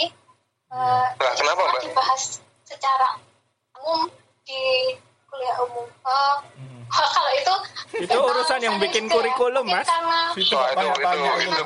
politik memberikan kontribusi apa Politik elit itu. Anda salah politik elit kritik itu. itu. itu juga Anda salah menunjukkan sekarang kritik. dibuka tuh woi. saya yakin itu banyak itu. Itu banyak yang bakal mengikuti mata kuliah arkeologi gender kalau Iya. saat ini dibuka loh ya. Hmm, Karena agak emang isu tersebut seksi saat ini. Iya iya. Kemarin aku lagu game kemarin sih bikin pro anu Iya. itu seminar ya mbak ya. Tapi kan itu bisa masuk ke ini kan Hindu Buddha dan lain-lain. Iya betul. Itu tinggal nambah ini sih sebenarnya. Sebenarnya bisa sih. Tinggal nambah Hmm, jumlah enggak- SKS-nya mungkin. Khusus. Nah iya. Kalau mau dibahas. Tambah materi ya. Jadi enggak- lagi SKS-nya. Oh, Enggak enggak perlu nambah mata kuliah juga bisa. Tinggal nambah SKS-nya aja. Jadi arkeologi Hindu Buddha yang wajib-wajib itu jadi 5 atau 6. Nanti gender masukin situ. Yo kalau nggak mau ribut loh kan. Nggak mau ribet Iya, kan. Langsung membuat solusi aja. bisa bisa. Nganu nyambung yang tadi ya kayaknya. Friend. Kayaknya Mas Reza ini mau cerita soal arkeologi gender dan guys. indigenous arkeologi kayaknya. Iya, guys. Gimana Mas Reza? Oh, enggak, enggak, enggak, enggak, enggak, enggak, enggak, enggak, enggak, enggak. Apa mau share tentang itu Apa-apa? yang dibaca kemarin? Ya, Saya belum feminis dan saya belum selesai baca indigenous, itu. indigenous arkeologi itu kayak gimana Mas? Halo? Halo, halo, halo. Ya, Ngeper. Barangkali bisa dijadikan alternatif tadi loh untuk untuk membahas. Ya mungkin itu bisa kita bicarakan apa namanya eh, podcast yang lain saja, Prof. Ya. Kita tetap Oke, Nah, karena saya belum selesai baca ini. ini bahasa Inggris angel cuy, bahasa Inggris lagi. Ya, Oh, ya. Orangnya poso kan. Ini ini lah untuk kalian berdua lah kalau gitu pertanyaannya. Eh, Kira-kira ke depannya ada minat untuk ini nggak ya bikin penelitian atau tulisan khusus mengenai ini kajian gender tadi itu kajian arkeologi gender atau malah justru sudah pernah sebelumnya. Asik. Mas Reza dulu lah kira-kira. Kalau ini nggak perlu dilempar bisa jawab. Kalau saya jelas belum ya, saya belum pernah menulis soal arkeologi gender. Tapi kalau soal yang tidak khusus misalnya tidak arkeologis saya pernah menulis itu Oh, ya. itu soal Germani nah tapi cuma sebatas mak apa ya kayak ini biasa sih kayak artikel biasa kayak gitu sih. Nah tapi kalau untuk spesifik temanya arkeologis saya belum pernah menulis. Ya, tapi ya, ada tadi minat sudah menanyakan Mm-mm, kalau untuk minat selalu ada prof. Karena minat itu ya Prof lagi kalau- dong. minat minat tadi dibangun dari di, apa proses dialektika kayak seperti ini kan nah ini yang membuat saya menjadi lebih apa ya, mulai banyak tertarik lagi lagi ya kan soal eh, materi-materi atau konsep dari feminisme Oh, iya. ataupun gender seperti seperti itu Kayaknya Ya, Mas itu aja Renzo sih. ini gampang tertarik ya, Prof ya. Gampang, Gampang itu loh dia. dia, ya. Oh iya, jelas. sesuatu gitu loh. Dia butuh pengakuan yang jelas. Apa kita umumkan aja sekarang gitu. Apa ya? Mumpung didengarkan ini loh. apa, apa itu Enggak, kalau misalnya ada minat udah udah nemu judul belum dari diskusi ini tadi kira-kira? Atau Ini nemu tema lah. oh ya Eh, tema jelas arkeologi gender, maksudnya nemu objeknya apa kira-kira? Aku punya. Nih, Eh, Raja. Kalau kalau objek belum lah, jelas belum ya kalau objek ya. Tapi saya kok kebayang seperti ini. Kalau semisal katakanlah, eh, kan saya tadi pertanyaan saya dijawab sama Mbak Citra soal apa namanya perempuan yang didomestikasi ketika zaman prasejarah katakanlah. Nah kemudian saya pengen merunut itu perempuan, Mas, sampai yang ke ranah Yang dominasi perempuan tadi konteksnya sama PKK tadi. Kalau yang prasejarah, enggak. Aku saya tadi kan nanya oh iya. prasejarah prasejarah yang eh, Iya, gimana, Mas? Nah itu kan, eh, nah itu kan saya pengen merunut itu sampai ke ran, sampai ke periode kolonial semisal. Oh, oke. Jauhnya Nah, jadi kalau dari zaman sebelum Yesus sampai sudah Yesus itu. Jauh Anda pikir gampang. Kita kita bikin pas Yesus. atau kan kita kita bisa pakai literatur literatur review kan misalnya dari kita kita bisa membandingkan mungkin ya ini cita- cita-cita ya kita nggak kita nggak tahu kapan bisa nulis itu tapi yang jelas dari dari situ kan kita bisa melihat eh, periode-periode mana yang kira-kira memang itu menjadi apa terjadi suatu apa degradasi atau diskriminasi terha- terhadap fungsi fungsi institusional dari seorang perempuan Ya, seperti itu sih. Hmm. Kalau Mbak Citra sendiri gimana?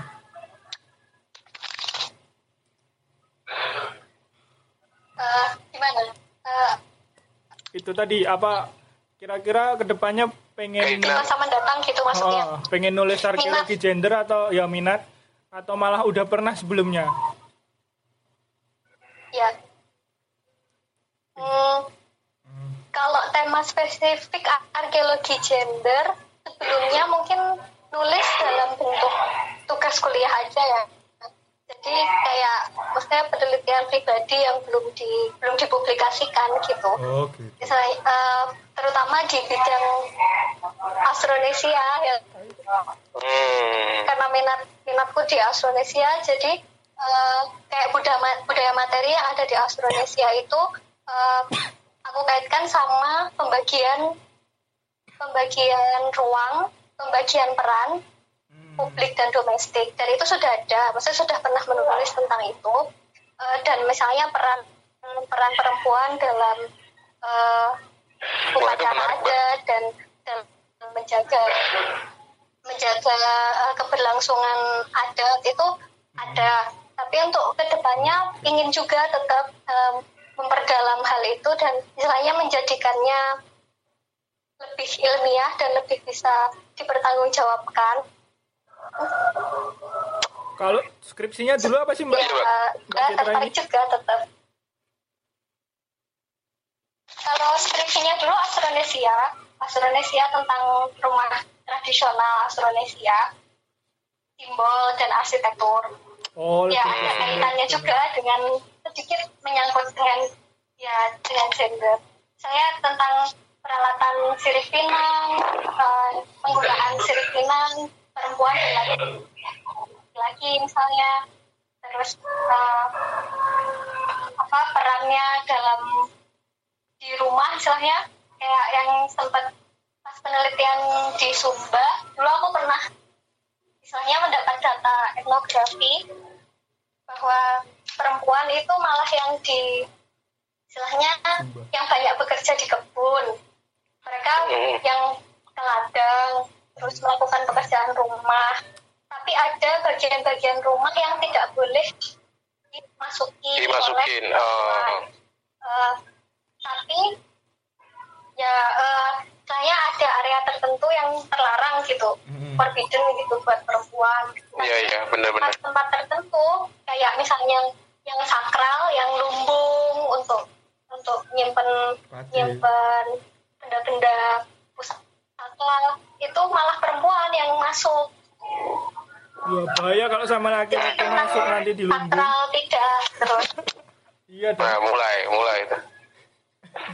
ya ya Ya kak. ya Kapan mbak mulai mulai penelitian mbak? Wah bisa tuh bisa join.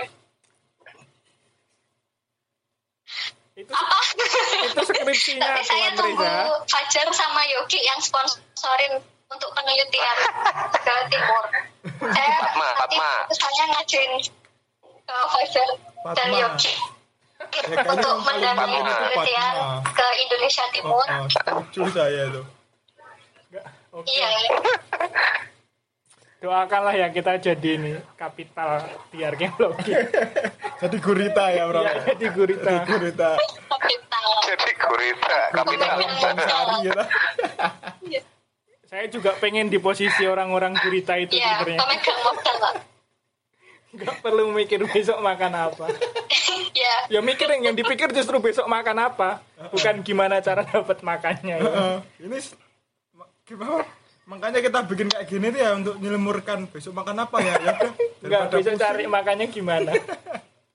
daripada pusing ya udah bikin-bikin lah. Kalau Berburu. kalau kalau dari Mas Yogi berburu sendiri, meramu dari Mas Yogi sendiri ada nggak ketertarikan buat ngangkat tema arkeologi gender? Oh, saya kan MC mas. Ya ditanya? enggak, saya tanya kira-kira ada. nggak? Gaji saya double berarti ya? iya, saya bayar double double. ya. Awas kalau enggak. Kebetulan kita hari ini disponsori Prima kurma segar di Indomaret cuma 20.000 ribu ya.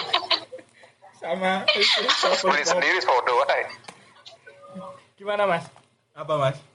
Ada nggak ini? Karena mungkin kalau kan Mas Yogi kan pernah bilang kalau tertarik sama ini kan tulisan Jawa kuno. Iya. Uh-uh. Siapa tahu di ini di prasa di prasasti jarang lah ya di serat-serat ya mungkin ya. Iya.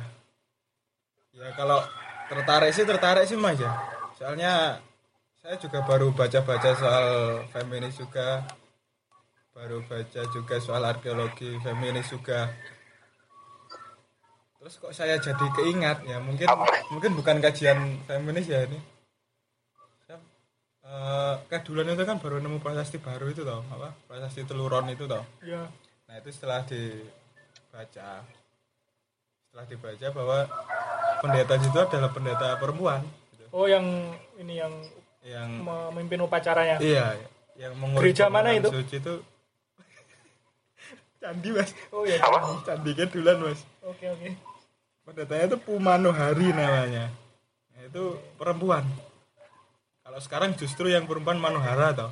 Ya. Kalau di Jawa kuno itu Mano, justru Hotel. Manohara itu yang laki-laki mas. Oh Manohara itu lagi. perempuan. Jadi di prasasti itu disebutkan Oh Manohara tuh laki-laki. Nah, Karena nggak ditambah Odelia Pino tuh. eh. eh, eh, Eh, udah udah Pangeran cukup Brunei cukup juga bikin itu. prof. Pangeran Brunei siapa yang kemarin tuh yang apa klitoris saya Eh, Oh iya itu parah itu. Itu kan bentuk dari ini kan? Waduh, gawat. Jangan-jangan nggak usah nggak usah. nggak usah nggak usah nggak usah ke situ ya. Eh, jadi itu ya. ya, ter- di prasasti Tertariknya tadi di prasasti tadi ya? eh, Pumanohari tadi sebagai pendetanya mas Oke. kayaknya ya mungkin saya tertariknya itu sih mungkin tahap awal ya ini eh, saya juga belum dalam mengerti apa itu kajian feminis juga Nggak ada yang dimengerti manusia terlalu dalam mas. Eh, siap Yang penting ditulis aja lah. ya kayaknya itu sih prof apa ya oke. me- lebih teliti lagi mengidentifikasi sebenarnya nama-nama yang oh ini ternyata perempuan gitu Oh ya iya. siapa itu. tahu bisa di, di apa ya dikaji lebih dalam kayak gitu Soal nama ya secara berarti ya. ah, secara secara sinkronik maupun enggak. Lanjut lagi kalau gitu Hmm. eh, Black Witch. ini ini mungkin pertanyaannya kalau tadi tadi kan yang terlihat apa namanya terlihat menguasai kan Mbak Citra aku aku, men, aku menjatuhkan ya jadi ya enggak Mas Reza Mas Reza menguasai cuma malah cuma ditanya. bukan dalam arkeologi gender dia dia udah terbak ke kerangka sosial karena kuliahnya sekarang ini mau tanya ya, dia. Kalau tokoh Saya, tokoh murtad. arkeologi wanita yang apa namanya mengangkat tema arkeologi gender yang cukup berpengaruh di Indonesia ini siapa ya kira-kira? Busum. Biar Mbak Citra dengan jawab. Oh, almar. Iya, Almarhum. sama Yo. Sama kalau enggak kalau di luar negeri juga siapa? Jadi kan pasti ada penggeraknya kan. Indonesia kan bukan pionir kan. Coba Mbak Citra. Gimana Mbak? Eh, kalau dari Mbak Nia tuh enggak ini luar, kalau dari luar itu ada beberapa ya, tapi saya juga nggak nggak terlalu ngikutin eh, pergerakannya mereka. Yang paling diingat paling si Mary Leakey itu ya. Eh, dua pasangan Richard sama Mary Leakey itu contoh se- eh, maksudnya contoh arkeolog yang perempuan contoh arkeolog perempuan dan laki-laki yang menurutku eh, cukup setara dalam segi ilmu dan pencapaian. Jadi walaupun mereka itu suami istri, tapi tidak ada yang lebih dominan dari yang lain.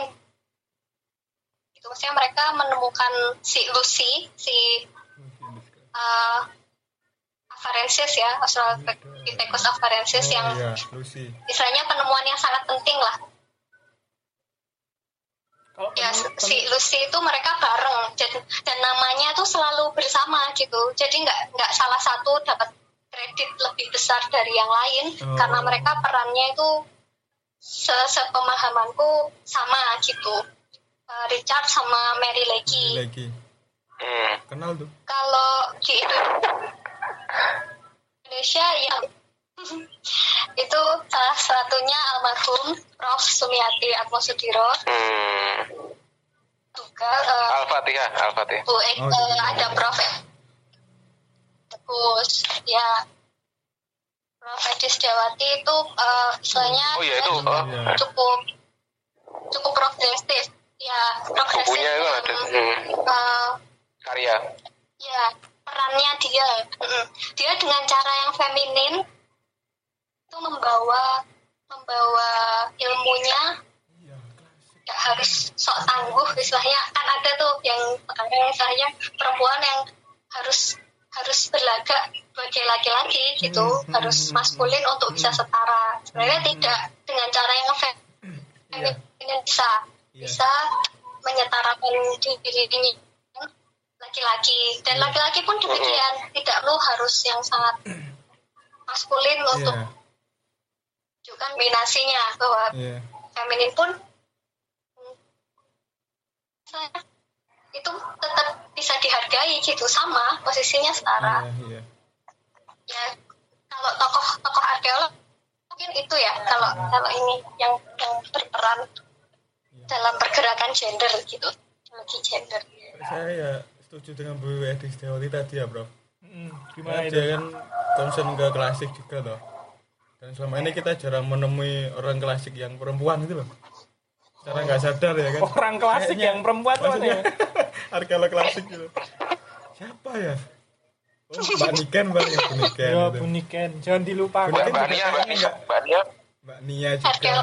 Ya, tapi kan dia nggak nggak murni seperti Bu Edi kan kita lihat Bu Edi itu dia berangkatnya sangat feminim soalnya dia juga penari toh. Mm-mm. Bukan gitu Mbak ya? Ya, dia Dia juga- Ah, ya itu masalahnya, benar. Beliau pernah juga. eh, Heeh. Disertasinya yang terkenal itu ikonografi Ya. Ganesha juga itu kan sangat Saya baca. ya heeh.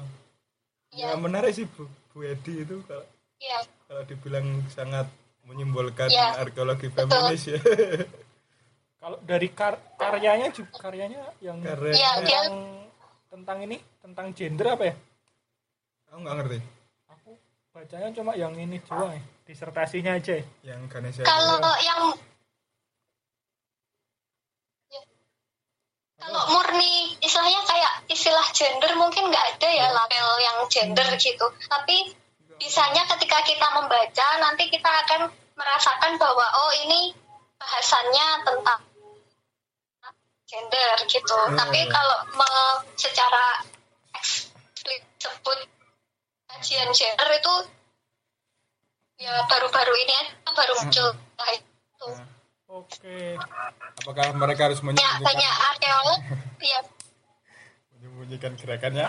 ya banyak arkeolog tuh nggak terasa melakukan kajian gender kok Oh. Ada aja gitu nggak menyadari kalau itu bagian dari arkeologi gender gitu. Jangan-jangan kita sendiri juga pernah ya, tapi nggak sadar ya. ya tapi Ya nggak mungkin. Mas Reja mungkin juga pernah mungkin kayaknya. kalau pakai istilah gender gitu. Oh iya. heeh. Soalnya latar belakangnya juga sangat mendukung kalau Mas Reja kan. Kayaknya ada mas, dicari aja mas itu mas. Heeh. Cari mas tulisan Itu, tulisan itu kalau saya kan nggak nggak skripsinya itu cerobong menyerupai apa saya- gitu kan. Dia lebih ke keinginan untuk mendominasi. halus. Ya, soalnya kan dia pabrik gula loh. Gimana Ya Mas? pabrik gula. Mesin pabrik gula itu mirip apa gitu? Enggak, misalnya. Hmm, enggak ya, justru kalau pabrik gula tadi itu lebih konteksnya meningkatkan kesejahteraan. Kalau untuk apa namanya gender, memang sih bisa dikatakan iya karena rata-rata yang kerja di bagian kantor dari pabrik gula itu laki-laki. Perempuan itu rata-rata ditempatkan hanya kerja sebagai pekerjaan yang sub sub apa ya sub sub fungsional lah katakanlah kayak gitu loh. Yang- nggak yang ya. bukan pem- pemangku kebijakan kayak gitu loh mbak atau ya benar Iya. kayak gitulah ya Iya. itu dari Umar Kayam juga pernah bahas itu. Yang Terus mana mas? ya ya yang soal pabrik gula apa saya lupa judulnya pokoknya tahun 74 kalau nggak salah tahunnya tuh ya, terus monggo monggo Oke. Gimana Prof?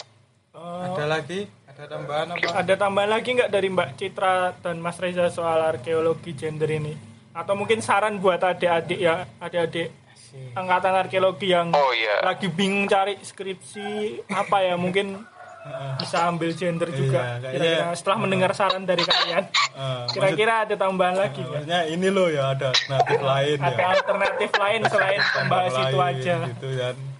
Hanya kita melihat bahasa pabrik gula. Prasasti gitu kan ya Prof ya. iya benar sekali Gimana ada ada tambahan nggak Mbak sama Mas? Eh, boleh saya dulu? Ya.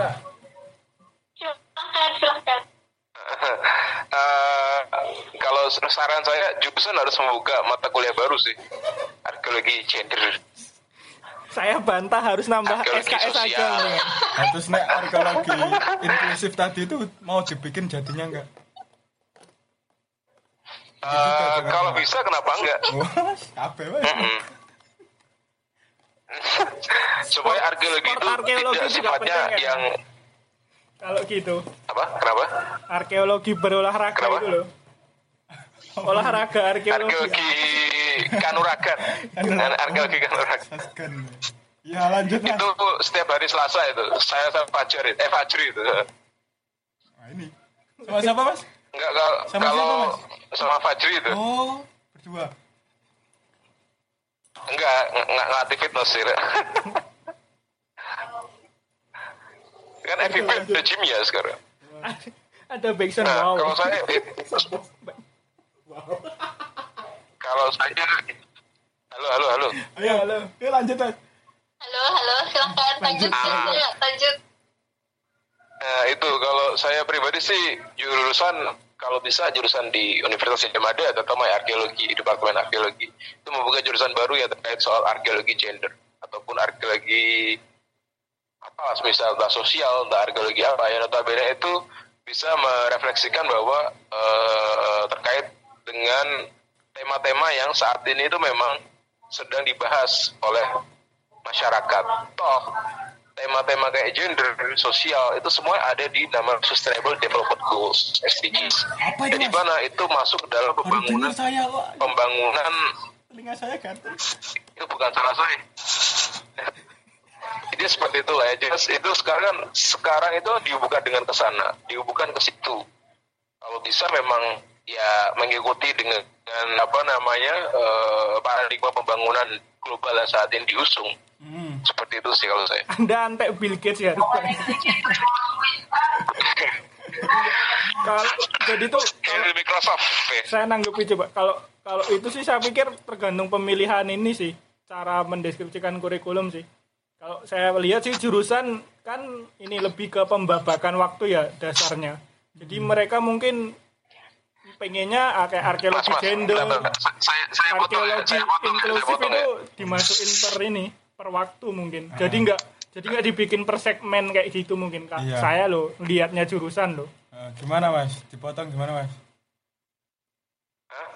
Oh enggak enggak ya it- itu kan pandangan Fajar mewakili jurusan yang belum tentu itu saya nggak mewakili jurusan mas cara pandang dari jurusan Malah ngerasain. oh enggak oh enggak Mas Andi nonton loh nih. Mas Andi dengerin. oh sorry sorry sorry sorry Gak apa-apa. Halo mas maaf mas Los. Kalau saran saya tetap tadi mm, pokoknya tema-tema yang sedang dibicarakan oleh global itu pun ya bisa disangkut pautkan dengan tema arkeologi apa dengan disiplin ilmu arkeologi itu akan sangat menarik menurut saya oke oke akan menjadi sangat multidisiplin seperti itu sih Hmm. Kalau dari Mbak Citra gimana? Tambah ada tambahan lagi? Oh, saya tergantung mas. Tergantung jurusan maunya apa gitu. arkeologi erotik Balik lagi ke pertanyaan sebenarnya jurusannya itu fungsinya untuk apa tujuannya? Mencetak arkeolog-arkeolog Kalau untuk- handal. Oh, oh, kalau untuk mencetak duit ya udah nggak perlu inovasi Kalau gitu kan. duit udah tugas BI, Bro. kan arkeolog kan jurusan dong. Oke lanjut ke mana-mana ini. Mbak Citra baik. Yang lebih menyatukan pendapat kita. ya moga moga Tolong di Yoi, yoi, yoi. Mbak. Mediasi. MC itu siapa MC-nya siapa itu moderatornya siapa Ya nanti dibagi lah. Enggak, pe- peran moderator tuh sekarang udah berkembang lah. Ya. Jadi enggak cuma enggak cuma menengahi, kadang bisa memberi membuat keributan juga. Semuanya kan bisa dijadikan Oh ya, jadikan mata kuliah bisa. Ada Ya, mata kuliah bisa. matematik. Gimana Mbak Citra? Ya, eh, tadi tadi kan eh, mungkin eh, pesan MC tadi itu apa istilahnya apa yang pesan atau komen atau Hmm. apa ya untuk untuk yang bisa menginspirasi gitu kan, yang Ya. bisa menginspirasi pendengar yang mungkin eh, ada yang sudah familiar dengan arkeologi dan ada yang belum. Tapi secara umum eh, isu gender itu memang seperti yang disebut sama Reza tadi memang sangat seksi. Istilahnya itu sudah dibahas di mana-mana. Dan itu bagian dari eh, pola pikir teori, saya pola pikir gaya hidup yang paling kekinian gitu, yang saya yang zaman kita yang sudah modern, bahkan postmodern gitu, sudah lewat lagi gitu masanya. Tapi diskursus tentang arkeologi gender itu perlu diingat bahwa tidak melulu tentang perempuan yang ingin disetarakan dengan laki-laki, Hmm. Iya. tapi justru menitik beratkan pada kesetaraan peran dan kebebasan untuk memilih keduanya, perempuan dan laki-laki. Jadi itu berlaku di keduanya. Dunia arkeologi dulu mungkin dianggap sebagai dunianya laki-laki, namun kondisi tersebut kan udah berubah ya, sudah sudah sangat berubah. Istilahnya proporsi kualitas dan kuantitas itu seimbang laki-laki dan perempuan dan ketangguhan, kemampuan hubungannya dengan gender. Jadi konstruksi yang selama ini menimbulkan ketidaksetaraan itu perlu dikonstruksi. Jadi perlu mungkin untuk para arkeolog atau generasi selanjutnya itu butuh berani untuk mengulas eh, hal-hal yang narasi atau hal- hal-hal atau interpretasi yang eh, berimbang antara keduanya. Jadi eh, tidak ha- eh, mengambil dari satu pihak gitu. Kalau Iya. bisa netral, kenapa tidak Iya, gitu? iya, iya. Masing-masing tuh untuk perempuan dan laki-laki itu punya kesempatan yang sama dalam menjalankan profesi sesuai pilihannya. Jadi kalau dari aku lebih ke menanamkan pola pikir itu dulu, pola pikirnya dulu yang di, di misalnya mulai bergeser, bergerak menuju ke perubahan gitu. Kalau untuk yang lain-lain, apakah perlu ilmu ini ditambahkan dalam pendidikan formal seperti di kuliah atau di eh, forum-forum lain itu akan mengikuti selama pola pikirnya tetap walaupun ada depan mata Oh, berarti belum tepat itu nggak akan pikirnya. sampai gitu nggak akan ya nggak akan sampai gitu nggak akan bisa Tendensius ya, dicerna Reza. juga. cukup sulit. Jadi pola pikirnya dulu yang kalau misalnya eh, tapi itu memang butuh sukses dan itu semua pilihan. Kalaupun tidak tidak memilih untuk untuk eh, tidak memilih itu juga pilihan gitu. Itu semua Iya, benar. kebebasan ya intinya itu kebebasan kebebasan pilihannya dan itu inti dari ya inti dari kajian gender menurutku di situ kesetaraan peran dan kebebasan untuk memilih tanpa ada embel-embel gender perempuan dan laki-laki Mbak, saya mau nanya sih Mbak sebelumnya. ini tadi udah akhir Oh, udah akhir ya ini. Oh, iya, iya, sorry, sorry, sorry. Kalau Ya, nanya bisa di lain kesempatan Mas Reza. Siap, siap. Sama ini saya mungkin mau nanya soal apa? soal pernyataan Prof Fajar yang selalu bilang kalau laki-laki itu harus suka sepak bola. Enggak enggak suka. Iya coba.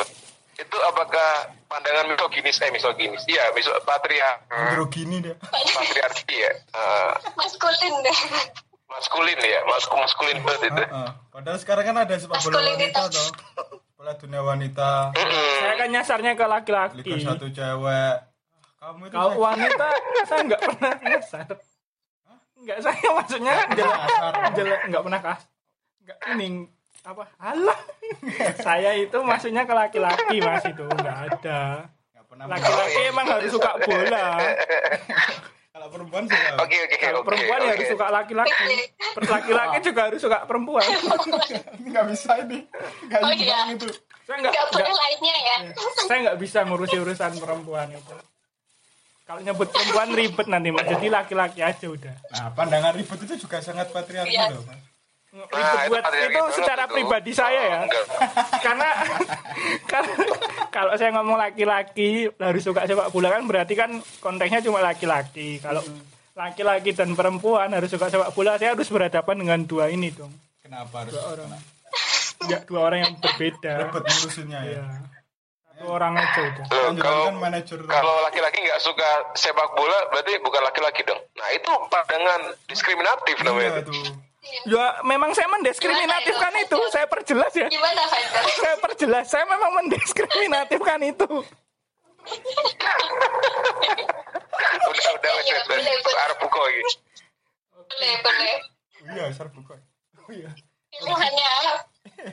itu kritik sosial ya itu Kritik sosial. Fajar tuh kritik sosial dia julid julid dia Ini kayaknya podcast terlama kita loh ini, Mbak.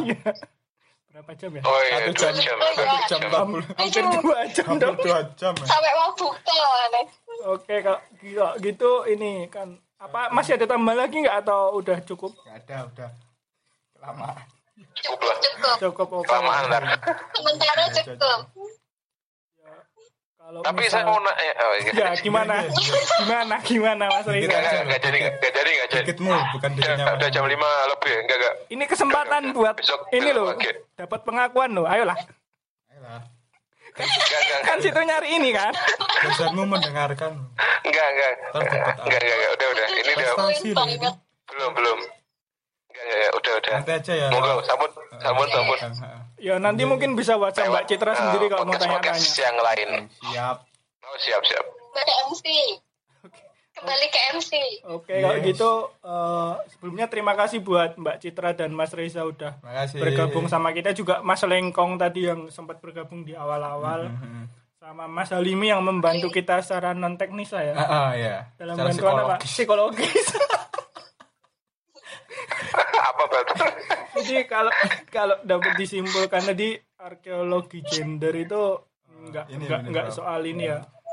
Enggak soal enggak hanya soal apa namanya? Ayo apa? Malah aku guyu sih, aku guyu gitu. Jadi arkeologi gender enggak melulu soal apa namanya feminisme cuma cuma lebih ke ini tadi penjelasan penjelasan terkait peran-peran mungkin kalau kalau tadi saya nangkepnya kayak gitu ya dan itu jelas eh, orang-orang yang masuk ke dalam kajian arkeologi gender itu sangat dipengaruhi oleh kondisi lingkungan sekitarnya kayak kayak contohnya yang tadi ada kutipan dari artikel tadi terus ketika Mbak Citra nanya pendapat kita satu-satu itu kan berbeda karena ada faktor faktor lingkungan yang mempengaruhi si si si pempuny, si empunya pendapat ya seperti itu. Jadi arkeologi gender itu kayak gitulah intinya itu. Mungkin ada tambahan Pak? Ya, kayaknya kajian gender dalam arkeo ini memang penting ya sebagai alternatif untuk melihat masa lalu secara Ya, holistik. pikiran alternatif. Ah, ya. Melihat masa Gawat. lalu secara menyeluruh, holistik. Kayaknya itu berhubungan Gawat. dengan hasil kajian kita terhadap masa lalu. Kalau kalau di arkeologi itu intinya memang bagi siapa pun ini adalah alternatif kajian yang eh, cara pandang agar penelitian kita agak sedikit berguna gitu. terutama untuk menjawab paradigma arkeologi yang rekonstruksi kebudayaan itu ya mungkin ya. Nggak ngerti. ya itulah kan itu iya, termasuk salah bentuk, salah satu bentuk kebudayaan ya sekali lagi terima kasih buat Mas Reza dan Mbak Citra juga buat Mas Halimi sama Mas Sama-sama. Anton. kalau ada ya, kalau misal ada salah kata dari kami kami mohon maaf Citra. Siap. buat. Sama-sama. buat para pendengar. Iya, ini nanti Mbak. hasil obrolan kita bisa bisa didengarkan loh. Ini kan kita kan nggak live ini. Ya, tetap nanti kan hasil obrolan kita bakalan tetap ada di Spotify atau Anchor ya. Spotify dong. Spotify lah yang kelihatan lebih yoi. Iya dong. Jika ada saran-saran dan gitu, Nah, jadi kalau misal ada saran kritik atau mau usul tema bisa disampaikan. Kebetulan kami punya emailnya ada cangkrokheritage@gmail.com nanti Oke. bisa kirim ke situ. Bisa kalau Boleh. misalnya boleh itu yang nih. ya boleh menghujat juga sih. Boleh boleh. Kalau mau dislike atau nggak nonton juga Boleh eh, nggak denger boleh juga boleh. Terima kasih lah ya kok gitu. Nah, sampai jumpa. Satu, dua, tiga. sampai jumpa. Dadah. Iya. Makasih, makasih. kasih.